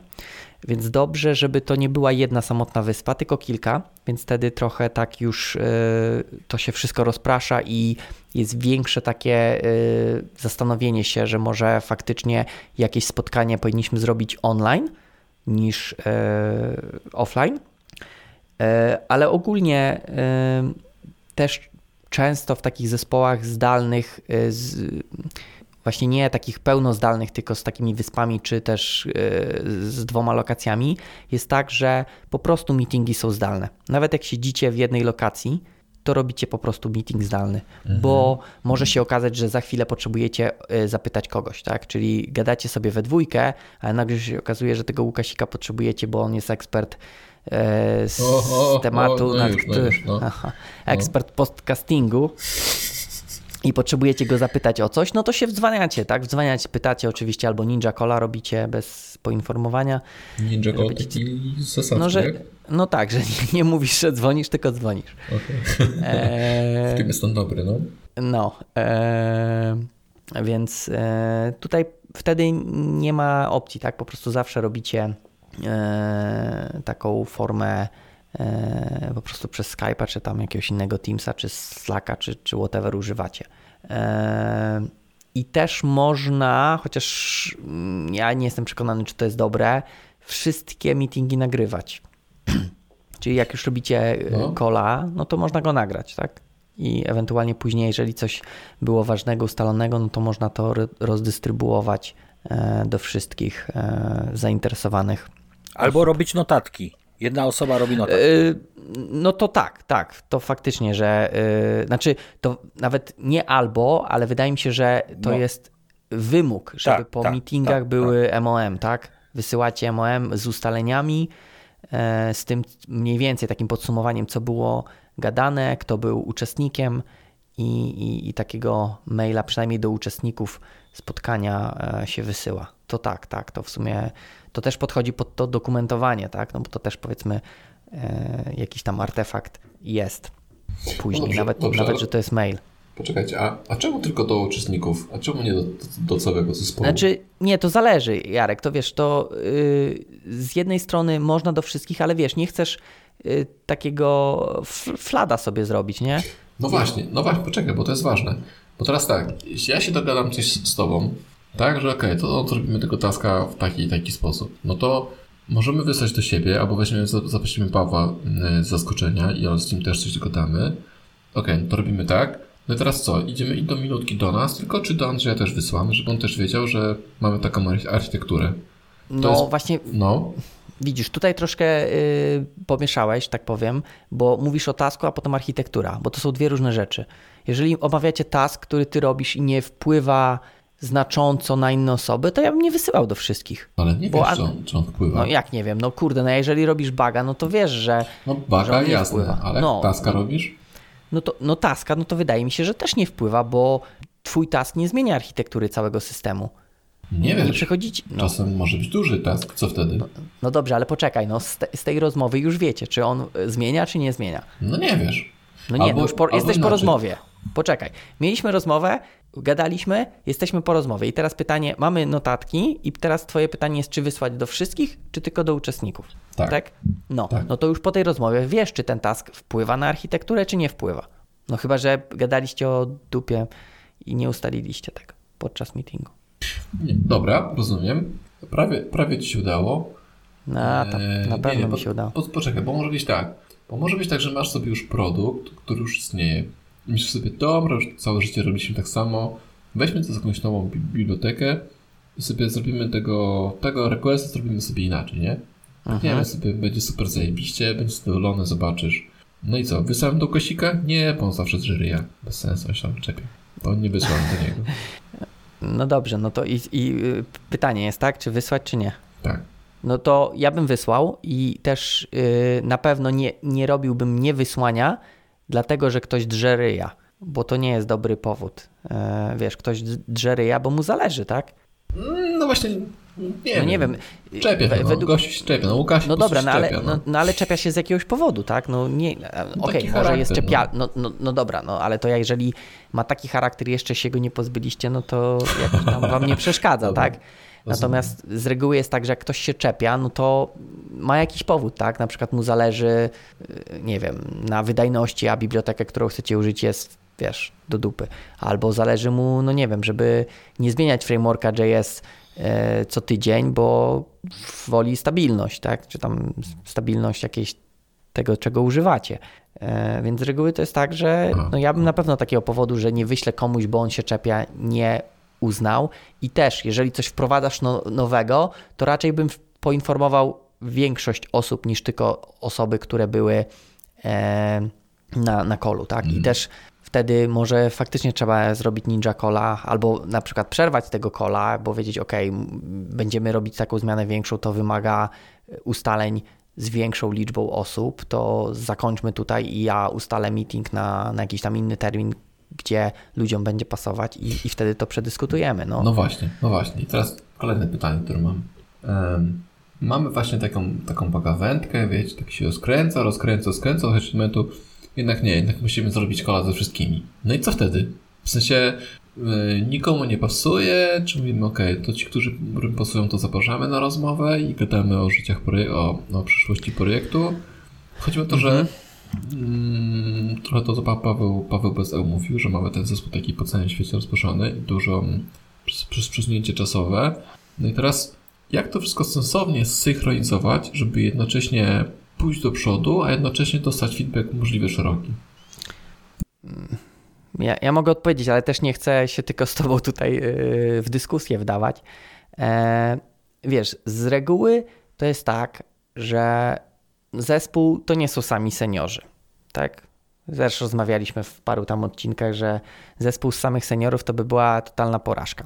Więc z reguły Aha. jest tak, że do tej dyskusji takiej y, znaczącej, no raczej byś wziął seniorów. I, i tylko Okej. te osoby, znaczy nie, nie to, że powinny, ale no to jest takie minimum, które się powinno wypowiedzieć, a to też nie jest tak, że muszą być wszyscy, tak? Jeżeli masz tych seniorów, powiedzmy, e, większą liczbę, to nie jest tak, że nie wiem, na, na tego, na Briana będziecie czekać, aż wróci za dwa tygodnie z urlopu, tylko przegadacie coś i okej, no też jesteście tak jakby, macie decyzyjność, Albo z tak? w tym, Mazur, że wróci.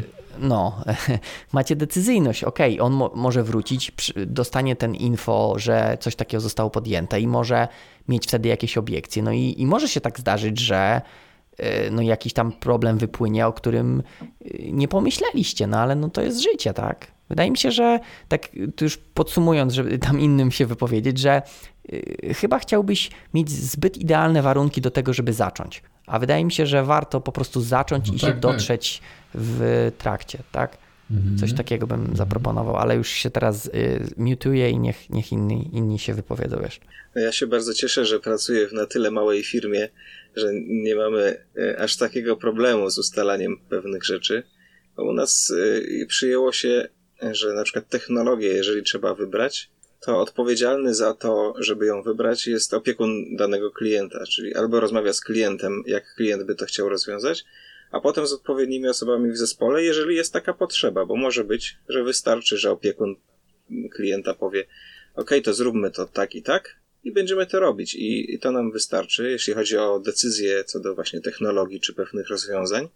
Natomiast to, na co dużą, y, mm, kładziemy duży nacisk, to na dokumentację, która jest dostępna dla wszystkich. Czy to jest y, dokum- dokument y, googlowy, czy jakiś inny w chmurze, y, czy coś, czy, czy zestaw maili w naj, naj, najgorszym wypadku, gdzie są specyfikacje rozpisane po prostu od A do Z i wiadomo, że zerknę tam i dowiem się, że powinno być to zrobione tak i tak. Jest screenshot od grafika, jak coś powinno wyglądać.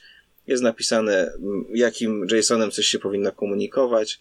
I dostaję taką informację i mogę pracować. Nie muszę y, dzwonić do, do osób czy szukać y, w różnych miejscach, tylko wiem, że z danego klienta specyfikację mam w takim i takim dokumencie biorę i robię i dzięki temu jakby też tę asynchroniczność zachowuję. A to jest jedna rzecz, a druga, no te ustalenia, jeżeli ja potrzebuję jeszcze się czegoś dowiedzieć, to się zwracam do opiekuna klienta, czyli jak ja jestem jego opiekunem, to zwracam się do klienta bezpośrednio, albo z jedną, drugą osobą rozmawiam i to mi wystarczy, tylko że to właśnie, to jest ten, ta zaleta małych zespołów też, które my mamy i jakiejś takiej mało korporacyjnego podejścia, tylko raczej takiego indywidualnego.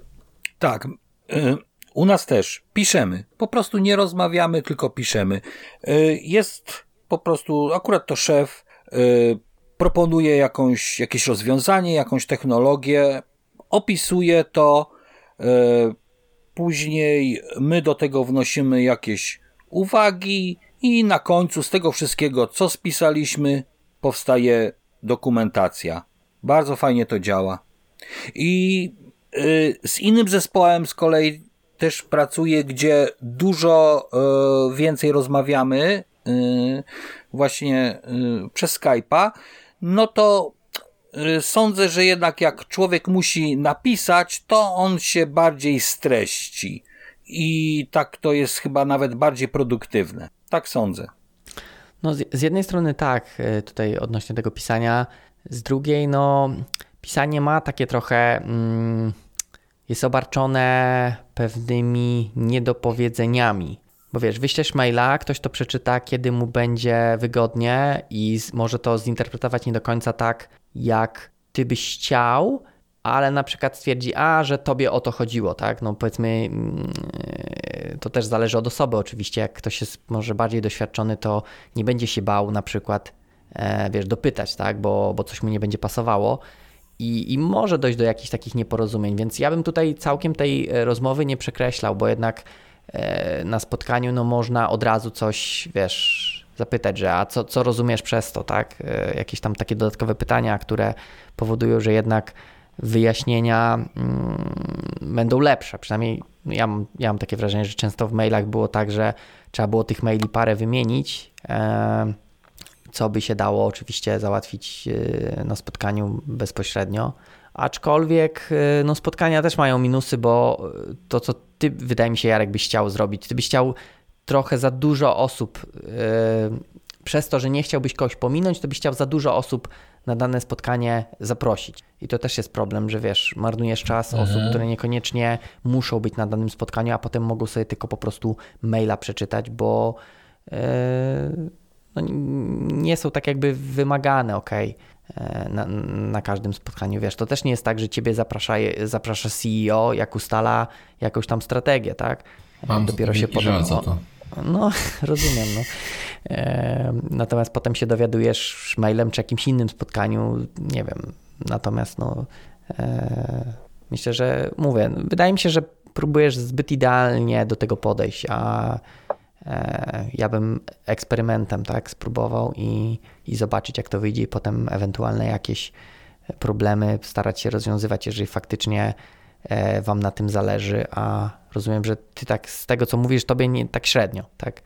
Zależy. No, ja jestem chyba ze starej szkoły i wolę mieć, wiesz, spotkanie, przyjść, pogadać, usalić. No ale, ale spotkanie możesz mieć, no tylko online. Nie... Online jest ok, natomiast ym, okej, okay, to rzeczywiście bardziej jest to problem asynchroniczności niż, yy, niż zdalności, nie? No tak, ale pytanie, bo wiesz, yy, zdalnie to nie znaczy asynchronicznie od razu. E, tak, tak, tak, tak, tak. To u mnie jest problem e, asynchroniczności. Wy byście chcieli asynchronicznie, tak? tak? chcieli, okay, chyba no to, async no. To wiesz co, to to mi się wydaje dużo trudniejsze jest. Dlatego wydaje mi się, że najpierw lepiej spróbować zdalnie, a dopiero później async. E, tak. I też wydaje mi się, gdzieś mhm. Andrzej o tym mówił, że to, to jest taki wyższy poziom. E, ja akurat nie wiem, czy bym chciał na przykład takie asynchroniczne e, działanie. No właśnie, ja jestem na, na, tym etapie i uważam, że nasz, nasz zespół też, że my sobie nie radzimy ze zdalnością e, zespołową, a już chcą robić, czy mamy człowieka, który chce robić, żeby być właśnie gdyż zdalnie, to jeszcze asynchronicznie. I ja się tego obawiam, że to po prostu się strasznie rozsypie i będzie mhm. to, co, będzie to, co tak i e, to, co mnie dosyć boli, to chyba to, że będzie strasznie dużo takiej komunikacji pisanej, w sensie takiej, ten wysyp spamowych maili trochę, nie? Mhm.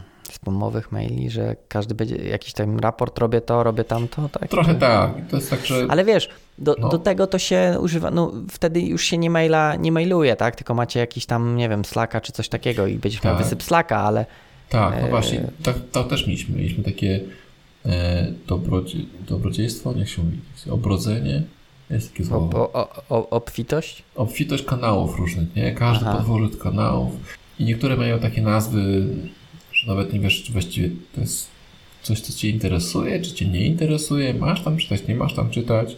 A jeszcze teraz e, i Slack, i Teams Microsoftie mają e, ten feature z wątkami. Więc to w mhm, ogóle jest. Mhm. No, Multum. Tak. No. Rozumiem. Rozumiem. E, nie wiem, ja bym, ja bym spróbował ze zdalnością, a potem dopiero szedł w asynchroniczność. Ale wiesz, na przykład, tak jak Paweł mówi, u nich tak jakby posiadanie klienta w innej strefie czasowej trochę to wymusza, tak? U nas też. E, u was też, tak? Czy macie jakiegoś takiego... No to... Okej, okay, to ja bym tak... Yy, wiesz, może trochę... Znaczy, no bo to nie jest tak, że nie działa. Działa, tylko ja po prostu szukam podpowiedzi, nie? Rzeczy, które po prostu mhm. mogę przyjść w poniedziałek do pracy i powiedzieć, porozmawiałem z mądrzejszymi od siebie, e, z takimi, którzy mają doświadczenie, to co robimy jest źle, od tej pory powinniśmy robić tak, zobaczyć i będzie zajebiście, nie? Mhm, mhm. Wiesz, bo tutaj jak jest taki klient yy, w innej strefie, no to na przykład niektórym pasuje praca, nie wiem, w nocy, tak? I to też już tak. wynika trochę, że w stosunku do tego zespołu w Polsce będzie asynchroniczny, natomiast będzie synchroniczny w stosunku do klienta. E, to tak jakby możecie go traktować, jakby był e, mm, po prostu tam na miejscu, nie? Bo to też wydaje mi się, że asynchroniczność ma takie trochę różne yy, odcienie, bym powiedział. Nie wiem, czy dobre słowa, ale zaraz spróbuję wyjaśnić. Bo jest, nie wiem, czy ta osoba. nie wiem, czy ta osoba, o której mówisz, ona by chciała po prostu w innych godzinach pracować, czy nie chciałaby pracować tak tu 30 minut, tu godzinkę, tu 15, tu 20 i, i w sumie mu się zbierze 8 godzin. prawdziwych y, motywato- motywatorów nie znam. Okej, no bo to też mi się wydaje, jeżeli ona by chciała pracować po prostu w innych godzinach, ale tak powiedzmy, nawet nie, mus, nie mówię, że 8 godzin non-stop, tylko po prostu w innych godzinach, ale tak w większych blokach, to wydaje mi się, że to jest łatwiejsze do ogarnięcia niż tak, że ktoś sobie, wiesz, pracuje 15, potem robi ze 2 godziny przerwy, potem 3 godziny, potem 10 minut y, przerwy. No taka, taka wiesz, totalna synchroniczność, tak? Nigdy nie wiesz, wiesz, czy ta osoba pracuje, czy nie. E, No, takie, takie, takie, mam, takie mam przemyślenia. O, Paweł chyba nam. Tak, zrobił zdjęcie. A to zdjęcie było, myślałem, że się łączy.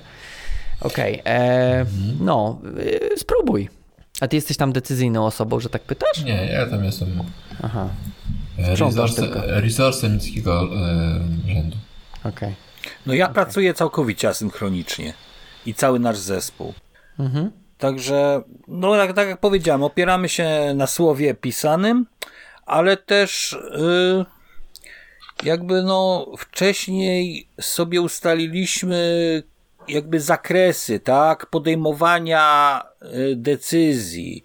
Y, Chociaż ja wiem, czy, czy, czy ja musiałem podjąć jakieś takie decyzje, których bym się obawiał? Raczej nie, no.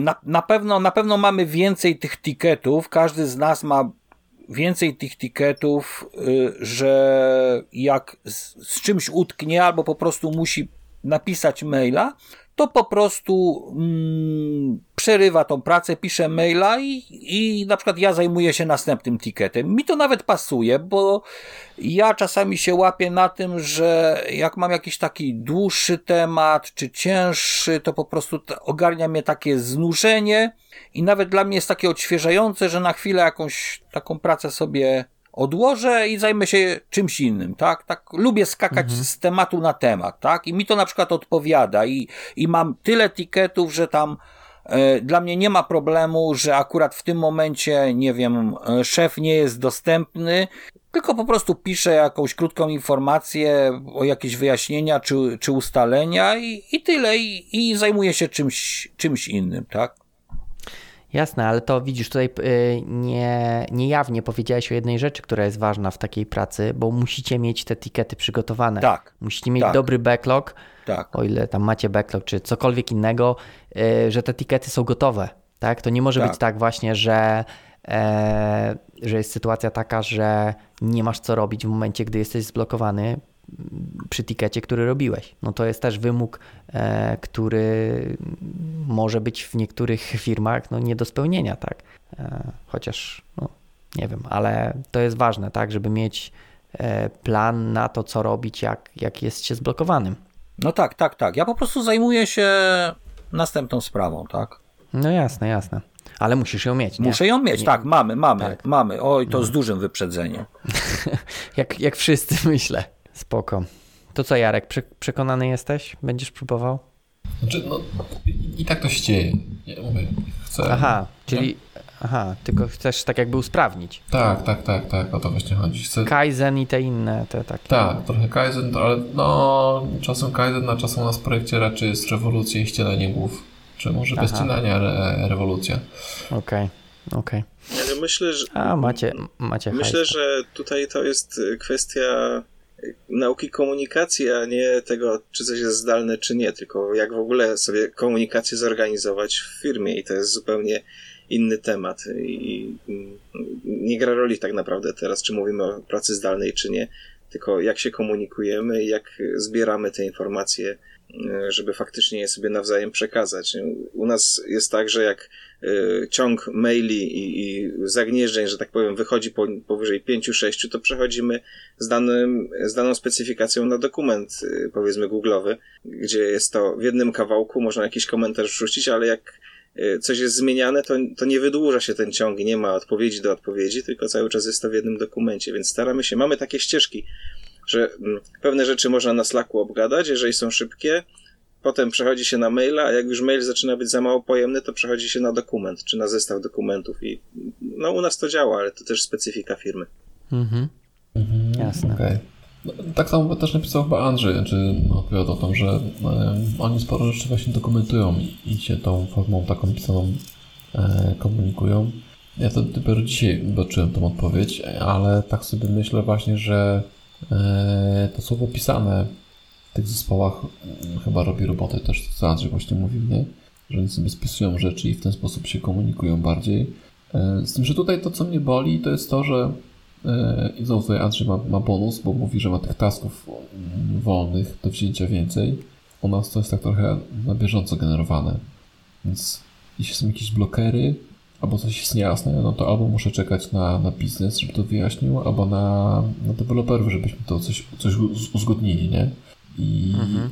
to jest chyba mój największy ból tak naprawdę, nie? Że, że nie mam No roboty, chyba- którą mogę wziąć. Mm, No to chyba musicie tutaj właśnie popracować, żeby mieć ten backlog na tyle rozbudowany, wiesz, jakichś bugów natworzyć, żeby coś tam w nim było, co, To co zawsze możesz.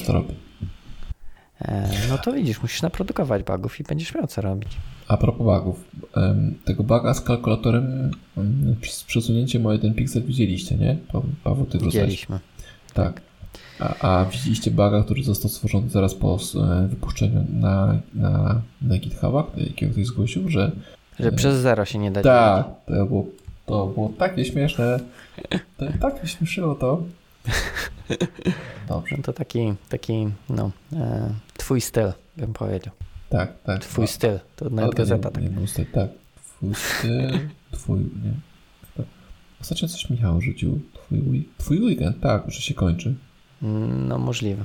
Tak.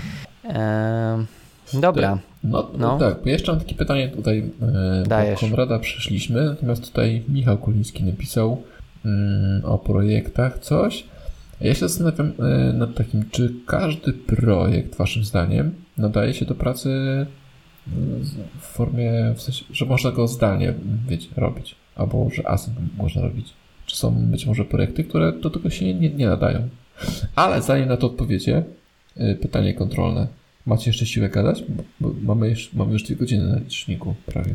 Ja, Ja jak najbardziej. ja też mogę. Dobra, dobra, okej. No to a, idziemy a, dalej. a, a mnie nie pytasz. A, bo,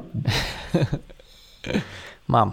dobra. No to czy każdy projekt można zdalnie i asynchronicznie robić? Czy może macie doświadczenie, że, e, że się nie da? No, kopanie rowów słabo wychodzi asynchronicznie i zdalnie. E, Natomiast, Dobre, natomiast w informatycznych projektach, jeżeli coś jesteś w stanie robić wyłącznie ze swojego komputera i nie potrzebujesz do tego nic więcej, no to jak najbardziej. Tak? Jeżeli potrzebujesz być o określonej y, porze w danym miejscu, bo coś się dzieje i musisz to sprawdzić tam, no to będzie kłopot, jeżeli chciałbyś to zrobić zdalnie. Tak? Jeżeli y, zajmujesz się, nie wiem, niedziałającym y, switchem gdzieś w infrastrukturze, który zawsze o 14 się wywala, no to musisz być w tym, w tym miejscu o 14, no i tyle. Dobra, dobra. Z, za, zakładam, że Jarkowi chodzi o informatyczne, tak? Tak, tak. To, to inaczej. Czy znacie projekt, albo pracowaliście w projekcie, który nie udałby się, gdyby nie to, że banda ludzi siedziała w jednym pokoju e, i próbowała z, z innego miejsca komputerami, bo, bo coś. Wiesz co, mi się, mi się wydawało, że ten, w którym ja jestem, jest dość trudny z racji domeny e, takiej no bardzo e, wąskiej i e, specyficznej. E, jest, jest ciężko do zrobienia zdalnie, natomiast no, wygląda na to, że da się to robić. Jedyne co wydaje mi się czasami może warto rozważyć w takim projekcie zdalnym i my to też robimy, e, to czasami odzdalnić i się spotkać. E, Może czasami w coś takiego pomóc, bo możesz pewne rzeczy szybciej jednak zrobić, gdy te osoby, i też nie mówię wszystkie, ale może część tych osób, zamkniesz w jednym pomieszczeniu z danym problemem i każesz go rozwiązać. Natomiast nie wiem, no pewnie są jakieś takie projekty, gdzie po prostu e, ta zdalność utrudnia, ale to też chyba może wydaje mi się sztucznie. Wiesz, jakieś tam projekty wojskowe, gdzie nie wiesz, gdzieś tam wojsko się nie zgadza, żebyś nawet przez VPN-y się wpinał do ich sieci, tylko musisz być u nich i, i robić może coś takiego. E, Ale to bardziej mówię takie sztuczne niż, niż to, że, że się tego nie dałoby zrobić zdalnie. Jak, jak nie znasz domeny, no to często jest tak, że musisz dopytywać i, i to pytanie, nie wiem, wydaje mi się, że no czasami łatwiej podejść do kogoś i pogadać dwie godzinki na jakiś temat niż dwie godzinki na Skype'ie siedzieć. Nie wiem, jakoś bardziej mnie męczy dwie godziny siedzenia na Skype'ie tak niż, niż robienie tego samego e, face to face. To tyle ode mnie. Ja myślę, że pewnie są jakieś y, takie rodzaje wdrożeń, tak, które na pewno musisz zrobić fizycznie u klienta, tak, że nie da się tego zdalnie zrobić na przykład. Yy, tak, ale zobaczcie, że tutaj to też nie zawsze musisz ty wdrażać, nie? No tak, tak, tak, tak, tak. Ale jasne, mhm, rozumiem. Ale tak jak tutaj Paweł mówił, no ciężko projekt taki z oprogramowania jakby no definitywnie stwierdzić, że się nie da zdalnie zrobić. Wiecie, to też kwestia taka, yy, też zależy jaki projekt, nie? No bo tak mogę sobie wyobrazić jakiś związany z hardwarem, gdzie, nie wiem, piszesz soft dla, nie wiem, jakiegoś wielkiego cusia, no to nie dostaniesz tego do, yy, nie prześlą ci tego do, do ciebie, żebyś mógł sobie potestować, tak? No też nie zawsze można jakoś zdalnie na tym testować. Yy, jak jest mniejszy sprzęt, no to też mogą ci to wysłać, tak? Ja pamiętam kiedyś robiłem jakieś sterowniki dla anteny do RFID i mi po prostu to antenę wysłali. Tak, powiedziałem, no sorry, ja to muszę przetestować, tak, no to po prostu mi wysłali antenę i miałem w mieszkaniu antenę do RFID. Eee, I tutaj mogą być, wiesz, jakieś problemy, jak, jak masz jakiś sprzęt, który jest duży i, i po prostu potrzebujesz do niego dostępu. No, z rzeczy, które moi znajomi robią, no to programowanie sterowników przemysłowych, gdzie musisz być przy maszynie i patrzeć, co się dzieje. Bo to, że ty to wyślesz y, VPN-em, grasz gdzieś tam zdalnie i operator ci będzie mówił, co się dzieje z maszyną, no nie zawsze jest tak wygodne, jak to, jak ty sobie przy niej staniesz i widzisz od razu, a możesz czasem zareagować i wcisnąć duży czerwony przycisk. Także to się mocno ze sprzętem wiąże. Mm. Jasne, tylko tutaj też tak teraz jak mówiłeś, to stwierdziłem, że też nie do końca to, co ja mówię, ma sens. Znaczy, co ja powiedziałem wcześniej, bo wiecie, to już mówimy o testowaniu, nie? Development mógłby być, powiedzmy, totalnie zdalnie, a tylko potrzebujemy jakiś tam może mały fragment przetestowania naszego rozwiązania. Eee, już wtedy być na miejscu, nie? Bo faktycznie jako, jak komuś ucina rękę, no to może lepiej, żebyś ty był, a nie, że operator będzie ci krzyczał, że wyłącz. No, zgadza, zgadza się tym bardziej, że można na symulatorze masę rzeczy od razu w domu sprawdzić, zanim się w ogóle z tym do fabryki pojedzie. Nie? Wiesz, no mi tak, jest ciężko tak. tak naprawdę wymyślać tego typu projekty, no bo ja od tych nastu lat pracuję z klientami, których nie widziałem na oczy, na serwerach, które stoją e, za oceanem e, i wyłącznie mam tutaj monitor, klawiaturę i tak naprawdę nie gra roli, gdzie jestem. Więc um, faktycznie prze, przemówiło do mnie to, co mówiłeś a propos jakichś projektów wojskowych, czy rzeczy, które mają, są odcięte od sieci. No to wtedy owszem. Natomiast w mojej pracy wszystko można zrobić zdalnie. Tylko, że patrzcie, e, mówicie tych właśnie wojskowych, czy odciętych od rzeczy, to jest jeszcze inny poziom e, u, ubiurowienia, że tak powiem, tak? Bo to nie jest tak, że jedziesz sobie do pracy w rynku, wsiadasz sobie w tramwaj, tylko musisz, wiecie, pojechać do jakichś tam super strzeżonych miejsc.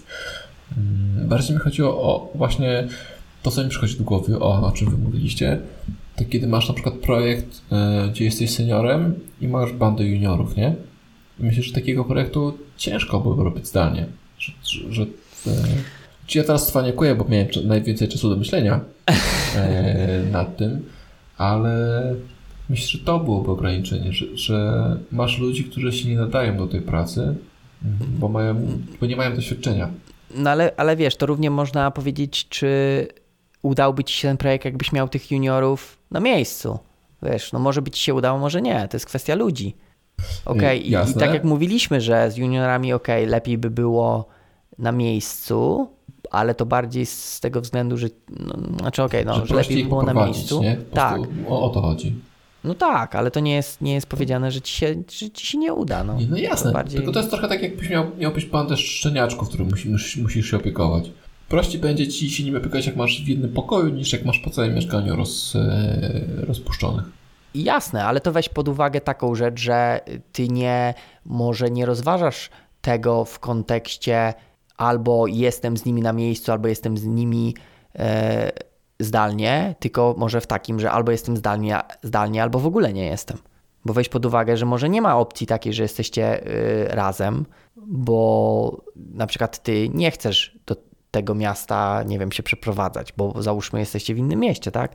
Tutaj wydaje mi się, że rozważasz trochę w głowie dwie sytuacje, które niekoniecznie są y, zawsze takie, tak? Czyli że albo w biurze jesteśmy, albo, y, albo jesteśmy zdalnie, ale nadal w tym samym mieście.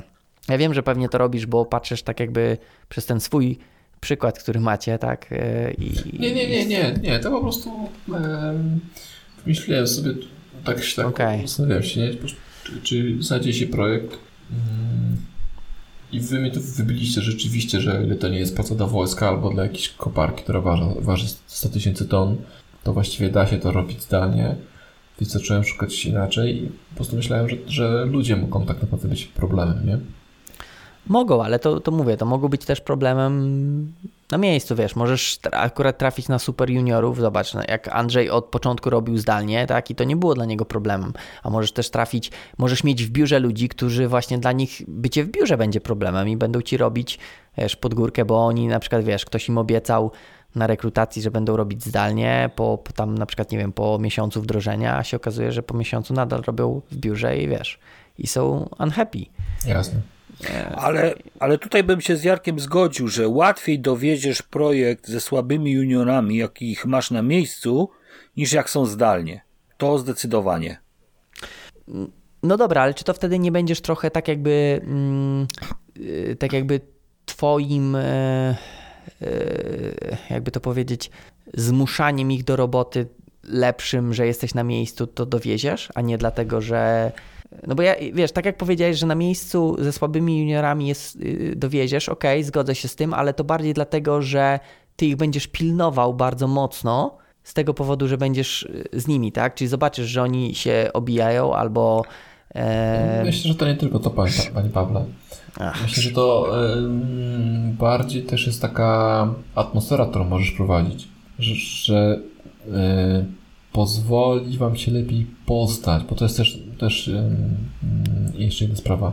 Jeśli jesteście w biurze, to łatwiej się wam ze sobą zin- zintegrować. Okej. Ja wiem, że ty nie lubisz, że ty w piwnicy za metalowymi ścianami Nie, nie, ja, ja to rozumiem, jasne. Ja, Tylko- integracja okej, natomiast y, spoko. No.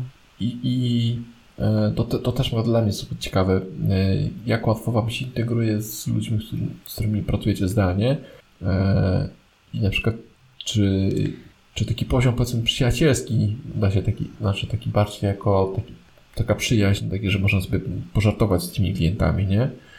Jak długo, albo inaczej, ile czasu potrzeba, żeby móc no, z klientami pogadać o tym, a widziałeś nowy odcinek, ten przyjaciół, no był śmieszny, jak tam ktoś puścił bąka, to w ogóle było śmieszne, nie? Czy raczej jest e, dear sir, dear madam, tikę tikę, nie? To było pytanie. Ja wiem, tylko ktoś chce odpowiedzieć, bo Znaczy no, że mnie tylko... ja mogę powiedzieć, że ja sam czasami inicjuję takie rozmowy, bo ja lubię czasami tak jakby troszeczkę tak przerwać taką techniczną rozmowę, zwłaszcza tam na przykład na Slacku, czy gdzieś tak jak rozmawiamy i, i tam pytam się, jaka jest, chociażby jaka jest pogoda tam u was, tak, i co, co, co, co ciekawego tam ro, robicie po godzinach, takie krótkie zajawki, to też mnie tak jakoś interesuje i, i, i ja uważam, że to no jest takie dosyć, dla, dla mnie to jest ciekawe, może tego trochę potrzebuję, ale też tam nie, nie, nie przesadzam, tak? I jakoś tam specjalnie dużo czasu na to, na, na to nie tracimy, ale, ale jak ktoś sam mnie y, takich tematów nie porusza, to ja na przykład y, sam wychodzę z taką inicjatywą. Ja mam wrażenie, no, mi się robi wtedy przyjemniej, tak? I to lubię czasami tak, właśnie tak zagadać o czymś, co nie jest akurat związane z bieżącą pracą. Mhm. Pawle, chcesz coś powiedzieć? Wiesz, ja nie do końca wiem w tym momencie, o, o czymś bardziej rozmawiamy. O komunikacji w zespole, czy e, o, o wciągnięciu projektu faktycznie na miejscu, czy zdalnie. E, Bo, mhm. O wszystkim, o wszystkim. Eee, Dobra. Znaczy, mi- mi- No bo mm, Okej. faktem jest, że ja cały czas mam tą specyfikę tej naszej firemki, gdzie faktycznie większość ludzi jest cały czas w biurze i jakoś spotyka się ze sobą. Może tam są dwa czy trzy teamy, które są bardziej ze sobą zżyte, a między nimi są mniejsze kontakty. Natomiast przez to, że ja wprowadzam y, do jednego z teamów ludzi nowych i jestem zaangażowany w szkolenie, to też y, mam z nimi inny kontakt i jest mi łatwo czasem na Slacku nawet kogoś rano zagadać, mimo że jestem zdalnie, y, co tam się dzieje, czy mm, co ciekawego, czy z czymś jest jakiś problem. I właśnie, czy to sprawy prywatne, czy sprawy firmowe, jest mi łatwiej do takiej osoby dotrzeć, no bo miałem z nią ileś kontaktu i pod tym kątem, no, tak jak słuchałem na temat tego, co się dzieje w Arkansas czy w Nozby, czyli firmach, które pracują mocno zdalnie, to tam dużą rolę grają te zjazdy, które sobie organizują raz w roku czy częściej, gdzie ludzie mogą pobyć ze sobą i niekoniecznie porozmawiać o pracy, ale też porozmawiać o czymś innym, żeby mieć tą bazę do, do rozmowy właśnie o rzeczach innych o tym, żeby też poznać kogoś nie tylko z tego, że on jest specjalistą od CSS-ów i w tym wymiata e, i będziemy się tylko o CSS go pytać, ale też o to właśnie, co się u dzieci dzieje, czy jak tam życie wygląda. No bo mm, to jest z jednej strony trochę dla higieny takiej e, kontaktów między nami, a, a dwa, e, żeby trochę uczłowieczyć tą pracę, żeby nie było to tylko robienie tasku za taskiem. Mhm. Ja chciałem dodać, odpowiadając na Twoje pytanie, Jarek, czy, czy łatwo? E, trudno właśnie do takiego zjazdu. Czy trudno takie kontakty e, zdalnie e, stworzyć. Do, do takiego powiedzmy zjazdu, spotkania, bo takie rzeczy się wydaje mi przynajmniej od czasu do czasu powinno robić. I ty to mówisz. No ja tak to mówię, no. Znaczy nie, nie, nie mówię, że mi to jest potrzebne. swoich ludzi. E, no, Natomiast powiem ci, ja ci powiem ze swojego doświadczenia, że wyda, przynajmniej wiesz, to jest, nie mogę powiedzieć za te drugie osoby, o których y, w tej chwili, że tak powiem, myślę, ale wydaje mi się, że wydaje mi się, że z paroma osobami udało mi się stworzyć taką lepszą relację niż pracową, czyli że mogłem, wiesz, sobie spokojnie pożartować. E, nie widząc się z tymi osobami, czyli tylko zdalnie, znaczy okej, okay, dobra, widząc się, bo kamer, kamer używamy, co też nie powiedzieliśmy, że jest istotne, żeby używać kamer, e, może do tego jeszcze wrócimy, e, nie widząc się osobiście, tak, e, i udało się takie, powiedzmy, takie trochę lepsze relacje stworzyć, ale to też mi się wydaje, że to były takie osoby pasujące, czy takie jak ja, mocno techniczne. Musiała być chemia też, nie?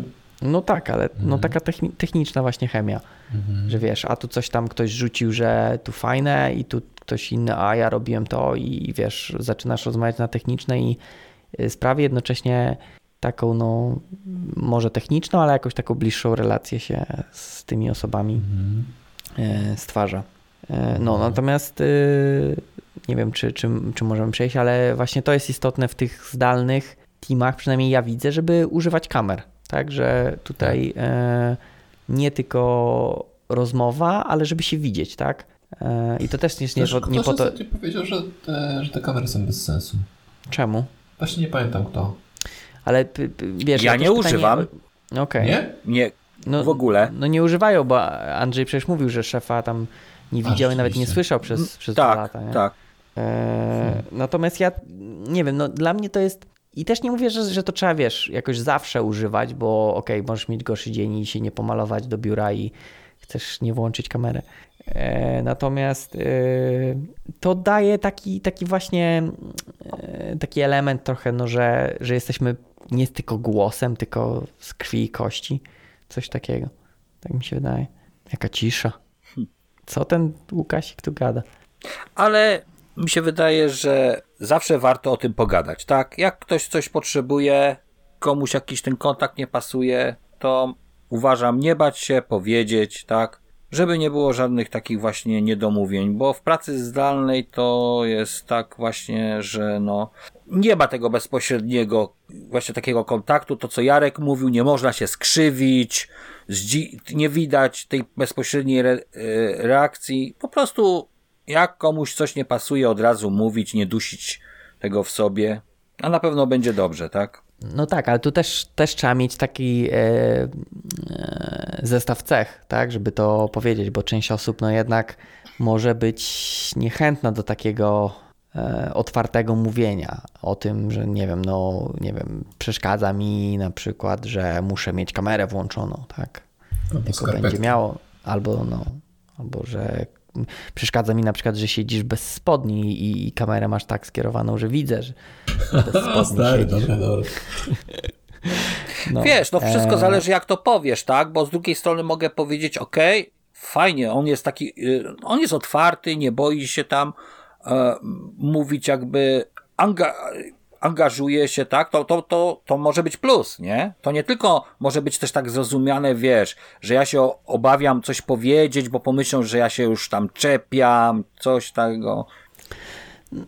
No tak, ale mówię, to są, to są różne osoby. Jedna, wiesz, jedna osoba jest taka, że powie ci e, otwarcie, wiesz, że tu go boli, jak robisz to, a, a druga, no, no nie, będzie się tak jakby, no nie wiem, wstrzymywała z tym do pewnego momentu, aż gdzieś tam w pewnym chwili już to będzie na takim poziomie, że gdzieś tam wybuchnie nawet, tak? E, no nie wiem, ja, ja widziałem sporo różnych charakterów e, i, i widać różnicę między, mi, między takimi faktycznie ekspresyjnymi osobami, które w ogóle się nie... nawet. Jaka? Książka e, Otoczeni przez idiotów. No okej, może. Gadaliśmy o tych o, kolorach, nie? Znaczy, znaczy pamiętam, tak, Mhm. tak, pamiętam, że mówiłeś e, o, o tych. Nie spodobała Natomiast- mi się, tak a propos, ta książka. Nie Tak, za moje, moje, żo- moje żonie też nie. Okej.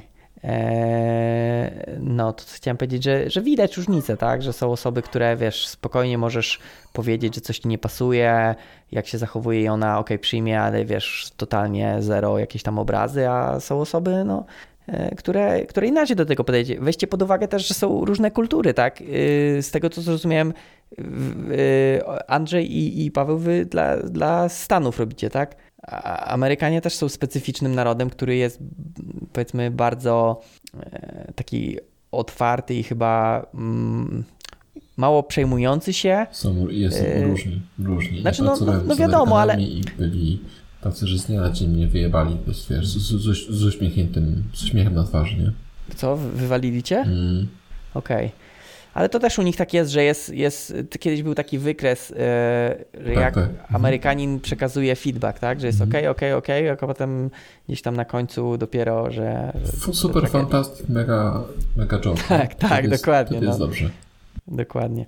Eee, no, a ja wiesz, ja pracowałem i, i tam z Danią, i z Francją, i też z jakimiś tam Amerykanami, i z innymi, i to widać różnice takie kulturowe nawet. Wiesz, już nie chodzi o same osoby, tylko no, jest inna kultura. Też gdzieś kiedyś Archetyp. słyszałem, Mhm. chyba w jakimś podcaście ktoś, też pewnie o jakiejś pracy zdalnej, bo to też było, że ktoś mówił, e, że z jakimś Brytyjczykiem rozmawiał i byli na takim spotkaniu i, i powiedział, że po prostu podaj mi sól, tak? Nie, że tam poproszę i, i gdzieś tam ktoś potem mówił, że ta osoba się czuła urażona, że taki bezpośredni styl wypowiedzi, tak? On tak Bo- na pewno powiedział, czy się przejęzyczył? A jak się przyjezy, przy, Nie znasz, to, przyjęzy? to, to się, właśnie z solą? A, że znaczy kojarzysz coś tam, że nie? ty głupia, coś tamtego. Sypałaś mi całe życie. No. Co ja się zsunę? Coś tam było. Nie, no chyba poprosił o sól. Yy, ale też nie wiem, bo mnie tam nie było, tylko relacjonuję, co ktoś powiedział w jakimś tam podcaście. No, ale że to, co chciałem powiedzieć, bo totalnie zszedliśmy z yy, kursu, co jest yy, tak akurat standardowe, yy, że są różne osoby. No to nieźle. Bardzo dużo czasu, czasu potrzeba na to, żeby powiedzieć, że są różne osoby. Cóż, no bo są różne osoby i jednym zajmuje dużo czasu, a innym zajmuje to krótko. Ale Dobra, to też, dobra. żeby to tak nie zabrzmiało, że my jesteśmy jacyś idealni. No, ja, ja tak się nie czuję Ja i, i, i, te, i też nad różnymi, różnymi swoimi e, cechami charakteru pracuję.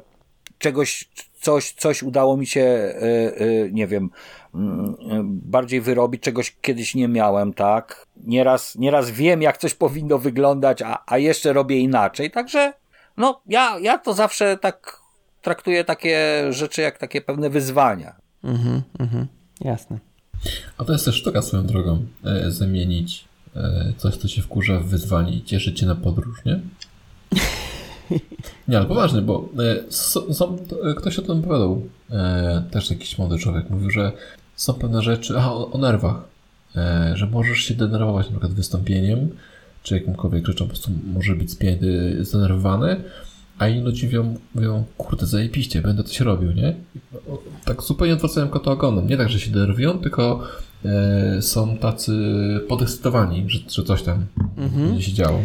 To jest A mega nie, słuchaj, nie słuchałeś dzisiaj przypadkiem ostatniego Dev Talk Trio? Bo wydaje mi się, że Sławek o tym mówił dzisiaj. Właśnie. Być może on też o tym mówi, być może widzieliśmy to z tej samej książki. Może, Mhm. okej. W porządku. E, mo, mogło tak być. Albo to ja powiedziałem Sławkowi, on to powtórzył. Tak też mogło być. Dobra, ja tak sobie też y, ściągam to, co chłopaki napisały tutaj. No, Jeszcze rzeczy różnych. bo tutaj jest też ciekawy temat jeszcze. No, daj. E, już e, nie, nie pamiętam, czy Khas to się czyta z H, czy H jest nieme, ale e, od Khaza mamy. E, czy praca zdalna pozwala na taki sam rozwój kariery niż taka, gdzie jesteśmy w biurze? I jeszcze tam Jak- pisze o karierze menadżera. No właśnie, no, no bo no, to, ambitnie. znaczy, no bo to tak jest, nie, że powiedzmy jesteś dobrym programistą, to potem robią cię na menedżera, nie? E, Tak się spo, spotyka takie przypadki, że jak ktoś jest dobry, to potem robią z niego kiepskiego menedżera. Znaczy jest jeszcze odwrotnie właśnie, że jak ktoś nie umie programować, to idzie na, na menedżera. No ale to jest dobrze akurat, no bo po co ma spierdalać kod, to niech spierdala inne rzeczy, nie? E, Całe projekty, tak? Nie tylko tam taski, tylko No całe ale, projekty. ale może nie twoje, tylko inne, nie? No jasne, jasne. A może wiesz, może faktycznie będzie dobrym menadżerem, no. Jednak to jest trochę inny zestaw cech, który jest potrzebny. Tak mi się daje. Nie, no Nie wiem. jasne, Wydaje mi się, jasne. że często jest tak, że ktoś jest, nie wiem, może to jest takie tylko mit, ale słyszy się o takich przypadkach, że ktoś gdzieś tam coś fajnego zrobił w projekcie, jakiś tak bardzo się mocno wykazał technicznie, no to dają mu jakiś team do yy, zarządzania, Tak, tak, tak, no tak jest. Ciekawe, czy one się- Mają, mają wyrzuty sumienia, że nie mogą dać kasy, to w jakiś inny sposób chcą go może wynagrodzić. Awans poziomu, No. tak? Może tak to jest, ale z drugiej strony też ta osoba, no się zgadza, tak? To nie jest tak, że y, y, zmuszają pewnie do, do przyjęcia tej roli, nie? To jest takie trochę połechtanie ego, no bo ktoś cię tutaj wyróżnia, a często brakuje takiego zastanowienia się, nie? Czy ja faktycznie chciałbym to robić i, i iść w takim kierunku. No dobrze, ale to, tak, zaślepienie. ale to tak jak z pracą zdalną, no. No to dobra, spróbuję, tak? Nie wyjdzie mi, no, no nie wyszło, no. Przekonałem się, że to może nie jest dla mnie, tak? Jasne, To, chociaż to, ja wydaje mi się, że powiem, to, ja często... powiem, to ja powiem, No. to ja powiem. E, No ja, bo byłem świadkiem takiego czegoś, że daliśmy e, człowiekowi, był projekt, z którego zwolnił się lider techniczny. Poszliśmy do, do gościa, który był technicznie dobrze i powiedzieliśmy, czy chciałbyś słuchaj, zostać liderem tego projektu. I on powiedział, e, no, że on się boi, że on tego nigdy nie robił, ale może spróbować. Ja tam trochę mu makaronu na uszy nałożyliśmy, ale spróbował. I po pół roku stwierdził, że to jednak nie jest dla niego. I teraz najgorsze jest to, że, e, że to się za, nim ciągnęło dalej. W sensie on był oznaczony już, już miał tą, tą łatkę tego, że jemu się coś nie udało, nie? I, i to, to nie było takie bezpieczne środowisko, że e, pamiętajcie, ja się na to, na to na, ja, ja to robię w takim w trybie testowym W powiedzmy. sandboxie. Tak. E, pomimo tego, że, że ludzie to wiedzieli, że, że, że on nie jest w 100% do tego się nadaje i to będzie próbował, to jednak po tym jak odrzucił tą rolę, to to było mu nie tyle wypominane, co jak było pamiętane o tym, że się w tym nie sprawdził, nie? Czyli I do dziś masz to brzemię, tak? to nie byłem ja, to był mój kolega. Kolega. tak, kolega ma ten problem. Natomiast e, to, co Andrzej, to ty mówisz, tak? Że, że spróbuj. Myślę, że to jest, że ta próba jest ok, ale jak coś się nie uda, to chyba najbezpieczniej po prostu jest wtedy zmienić pracę, nie? Bo ta historia po prostu trzyma się dupy twojej i, i sorry. Szefostwo będzie pamiętało, a, bo ty nie dałeś kiedyś tam rady. A czy, czy to nie jest trochę, wiesz, y, znak właśnie sugerujący, że to jest złe środowisko, że firma, wiesz, nie pozwala na takie e, eksperymenty? Jasne, To tak, samo bym jasne. powiedział. No. Tak. Jasne, Luka, W jasne. sumie tak. Zgadzam się z Pawłem. Ja też. super. To ja może wrócę na chwilę do tego oryginalnego pytania, od którego wyszliśmy, bo tutaj było to, A, czy, czy ta praca zdalna pom- pomaga, czy przeszkadza może w tym mm, e, rozwoju, w sensie rozwój kariery, tak? Jakieś awanse, awanse i tym podobne rzeczy. I myślę, że z jednej strony trochę to zależy od firmy, w której jesteś, bo jeżeli firma potrafi zauważyć, że jesteś ok, że warto by ci dać awans, czy warto by cię rozwinąć w jakimś kierunku, to niezależnie od tego, czy jesteś w biurze, czy zdalnie, to to zauważy. A jeżeli nie chce zauważyć, no to nawet jak jesteś w biurze, to może nie zauważyć tego, że faktycznie nadajesz się na jakieś lepsze stanowisko. Natomiast to, co ja widzę y, jako plus, to to, że jeżeli ktoś sprawdza się w zdalnej pracy, to może znaleźć pracę gdziekolwiek na świecie i nie musi być w biurze E, tej, tej firmy, gdzie się zatrudni. I to jest bardzo, do, bardzo dobra rzecz w sensie takim, e, że jeżeli ja się czuję na siłach wystartować do firmy, do której e, nigdy nie pojadę, tylko po prostu będę dla nich zawsze zdalnie, to mogę znaleźć robotę marzeń tylko dlatego, że robię to zdalnie. Tak, że to, znaczy wszystko to kupuję, z tym, że tłumaczę to sobie tak, że po prostu nauczyłeś się pewnego narzędzia, co tak sam powiedziałeś, nie? że praca zdalna jest pewnego rodzaju narzędziem, no i tam ta, ta firma po prostu wymaga perfekcyjnego panowania tego narzędzia, nie? Zgadza się. To, to, to, jest, taki, to jest jeden z elementów. Po prostu daje ci możliwości, których nie masz, jeżeli tak, tak, tak. tylko tak. chodzisz do biura, tak? To jest, to jest jedna, Jasne. I mhm. może być, że nawet nauczysz się jakiejś egzotycznej technologii przy okazji, która, na której w Polsce nie ma zbyt dużego zapotrzebowania, ale jest zapotrzebowanie i ssanie na rynku gdzieś, gdzie dadzą e, dobre stanowisko i na przykład dobre pieniądze tylko dlatego, że robisz coś ciekawego, tak? Coś, co, czego e, mało, mało kto na świecie e, w to się decyduje iść. Mhm, jasne. A wracając do tego, teraz ja wrócę do tego pytania, czy jest to możliwe? Myślę, że jest to możliwe, ten, te wszystkie awanse, ale jest to dużo trudniejsze, bo, przykład, bo, bo myślę, że zanim awansujesz i, i tak, zanim awansujesz, dobrze musisz poznać narzędzie, którym jest właśnie zdalna praca. Czyli masz, można powiedzieć, krok dalej chyba, żeby, żeby zrobić, nie? Te, żeby awansować. Czy wiecie, to też jest, tutaj rozważamy sytuację z punktu widzenia firmy, gdzie tylko część osób jest zdalna, nie? A, a w takiej firmie, gdzie wszystkie są zdalne, no to nie ma bata, no jakoś tam te awanse są, nie? I ktoś zostaje tymi no właśnie, lidami, menadżerami. Znaczy może tam tam pewnie nie ma menedżerów w no ogóle w takich firmach zdalnych. Pytać właśnie chłopaków. U was są tacy, tacy ludzie, którzy są tak, taki, taki typowy menadżer, albo jakiś lider, albo coś takiego, taki wiecie, że nie umiał programować, tego awansowaliśmy? No u nas akurat nie. U nas wszyscy są deweloperami i nawet jeżeli ktoś mm, dochrapał się stanowiska opiekuna klienta, czy takiego PM-a, czy, czy nie wiem jak to nazwać, team lidera, to jest jeden z nas, tylko który ma większą, mm, większe doświadczenie, ma pewne umiejętności, też może interpersonalne w kontaktach z klientami, e, może uczy się trochę szybciej, czy ogarnia trochę lepiej rzeczy, natomiast nie ma takich menedżerów u nas w firmie, którzy by zajmowali się wyłącznie byciem menedżerami i, i pilnowaniem, nie wiem, tasków, tylko faktycznie u nas każdy jest deweloperem, nawet szef. Wow. A u mnie w jednym zespole był dedykowany project manager bez żadnego jakiegoś tam przygotowania, w sensie znajomości po prostu tworzenia oprogramowania, takie jakieś, żeby tam coś potrafił sam zrobić, także taki, taki po prostu wykształcony project manager, no fajnie było, no. Bardzo, bardzo dobrze spełniał tą swoją funkcję. Bardzo przy, przy, przyjemnie się z nim pracowało. Właśnie mówisz w czasie przeszłym. Tak, bo po prostu yy, skończył się pewien projekt i się po prostu ro rozeszliśmy. O. Mhm, na takiej okay. zasadzie, tak? Ale projekt, że tak powiem, zakończył się sukcesem i no i nawet powiem szczerze, że tak troszeczkę żałuję, że tam z nim nie pracuję, ale co jakiś czas tam na Skype'ie go tam się tak właśnie zaczepiam go i się pytam, co tam u niego prywatnie słychać i tak dalej, no i tak trochę se pogadamy, bo bo naprawdę bardzo fajnie się, e, bardzo, bardzo fajnie się pracowało z nim. Mhm. Okay. Ale ja wiem, no, ja na przykład, ja, ja nie mam, ja mam tak ma, w zasadzie mały zespół, że nawet nie mam gdzie awansować, nie? Bo mm, często, często jest też, że praca zdalna to łączy się z takim też freelancem, tak? Że w zasadzie, no, e, dołączasz tak do takiego zespołu na jakiś czas, później go opuszczasz. Tak też często, często jest w pracy zdalnej i no, wtedy jakiś awans? No nie wiem, no. Pytanie, kto, ma, No kto, w takim- kto ma jakie aspiracje, no.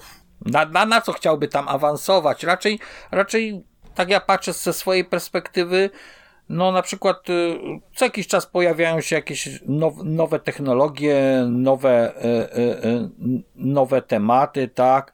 Szef ma taki dosyć sprytny sposób, że jak jest jakaś nowa technologia, na przykład chcemy ją wykorzystać, to z kolei właśnie łapie takiego freelancera, który nam robi taki, taki szkielet, tak, jakiegoś takiego dobrego właśnie gdzieś tam wyhacza, robi nam taki szkielet, my się jakby przy nim uczymy, tak, i później to ciągniemy dalej, tak, to nawet całkiem sprawnie działa, tak, nie tracimy czasu na takie przebijanie się przez te wszystkie hello wordy i wkurzanie się, że coś nam nie wychodzi, a już piąty raz czytamy dokumentację, że powinno, po prostu akurat tego.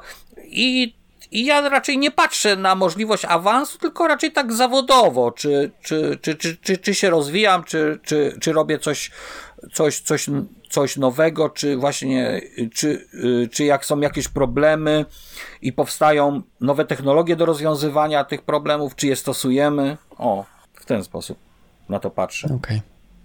Czyli co, odpowiedzią jest, że można awansować, ale nikt tego nie robi. Raczej bym powiedział, że w takich pracach zdalnych często struktura jest na tyle płaska, Tak.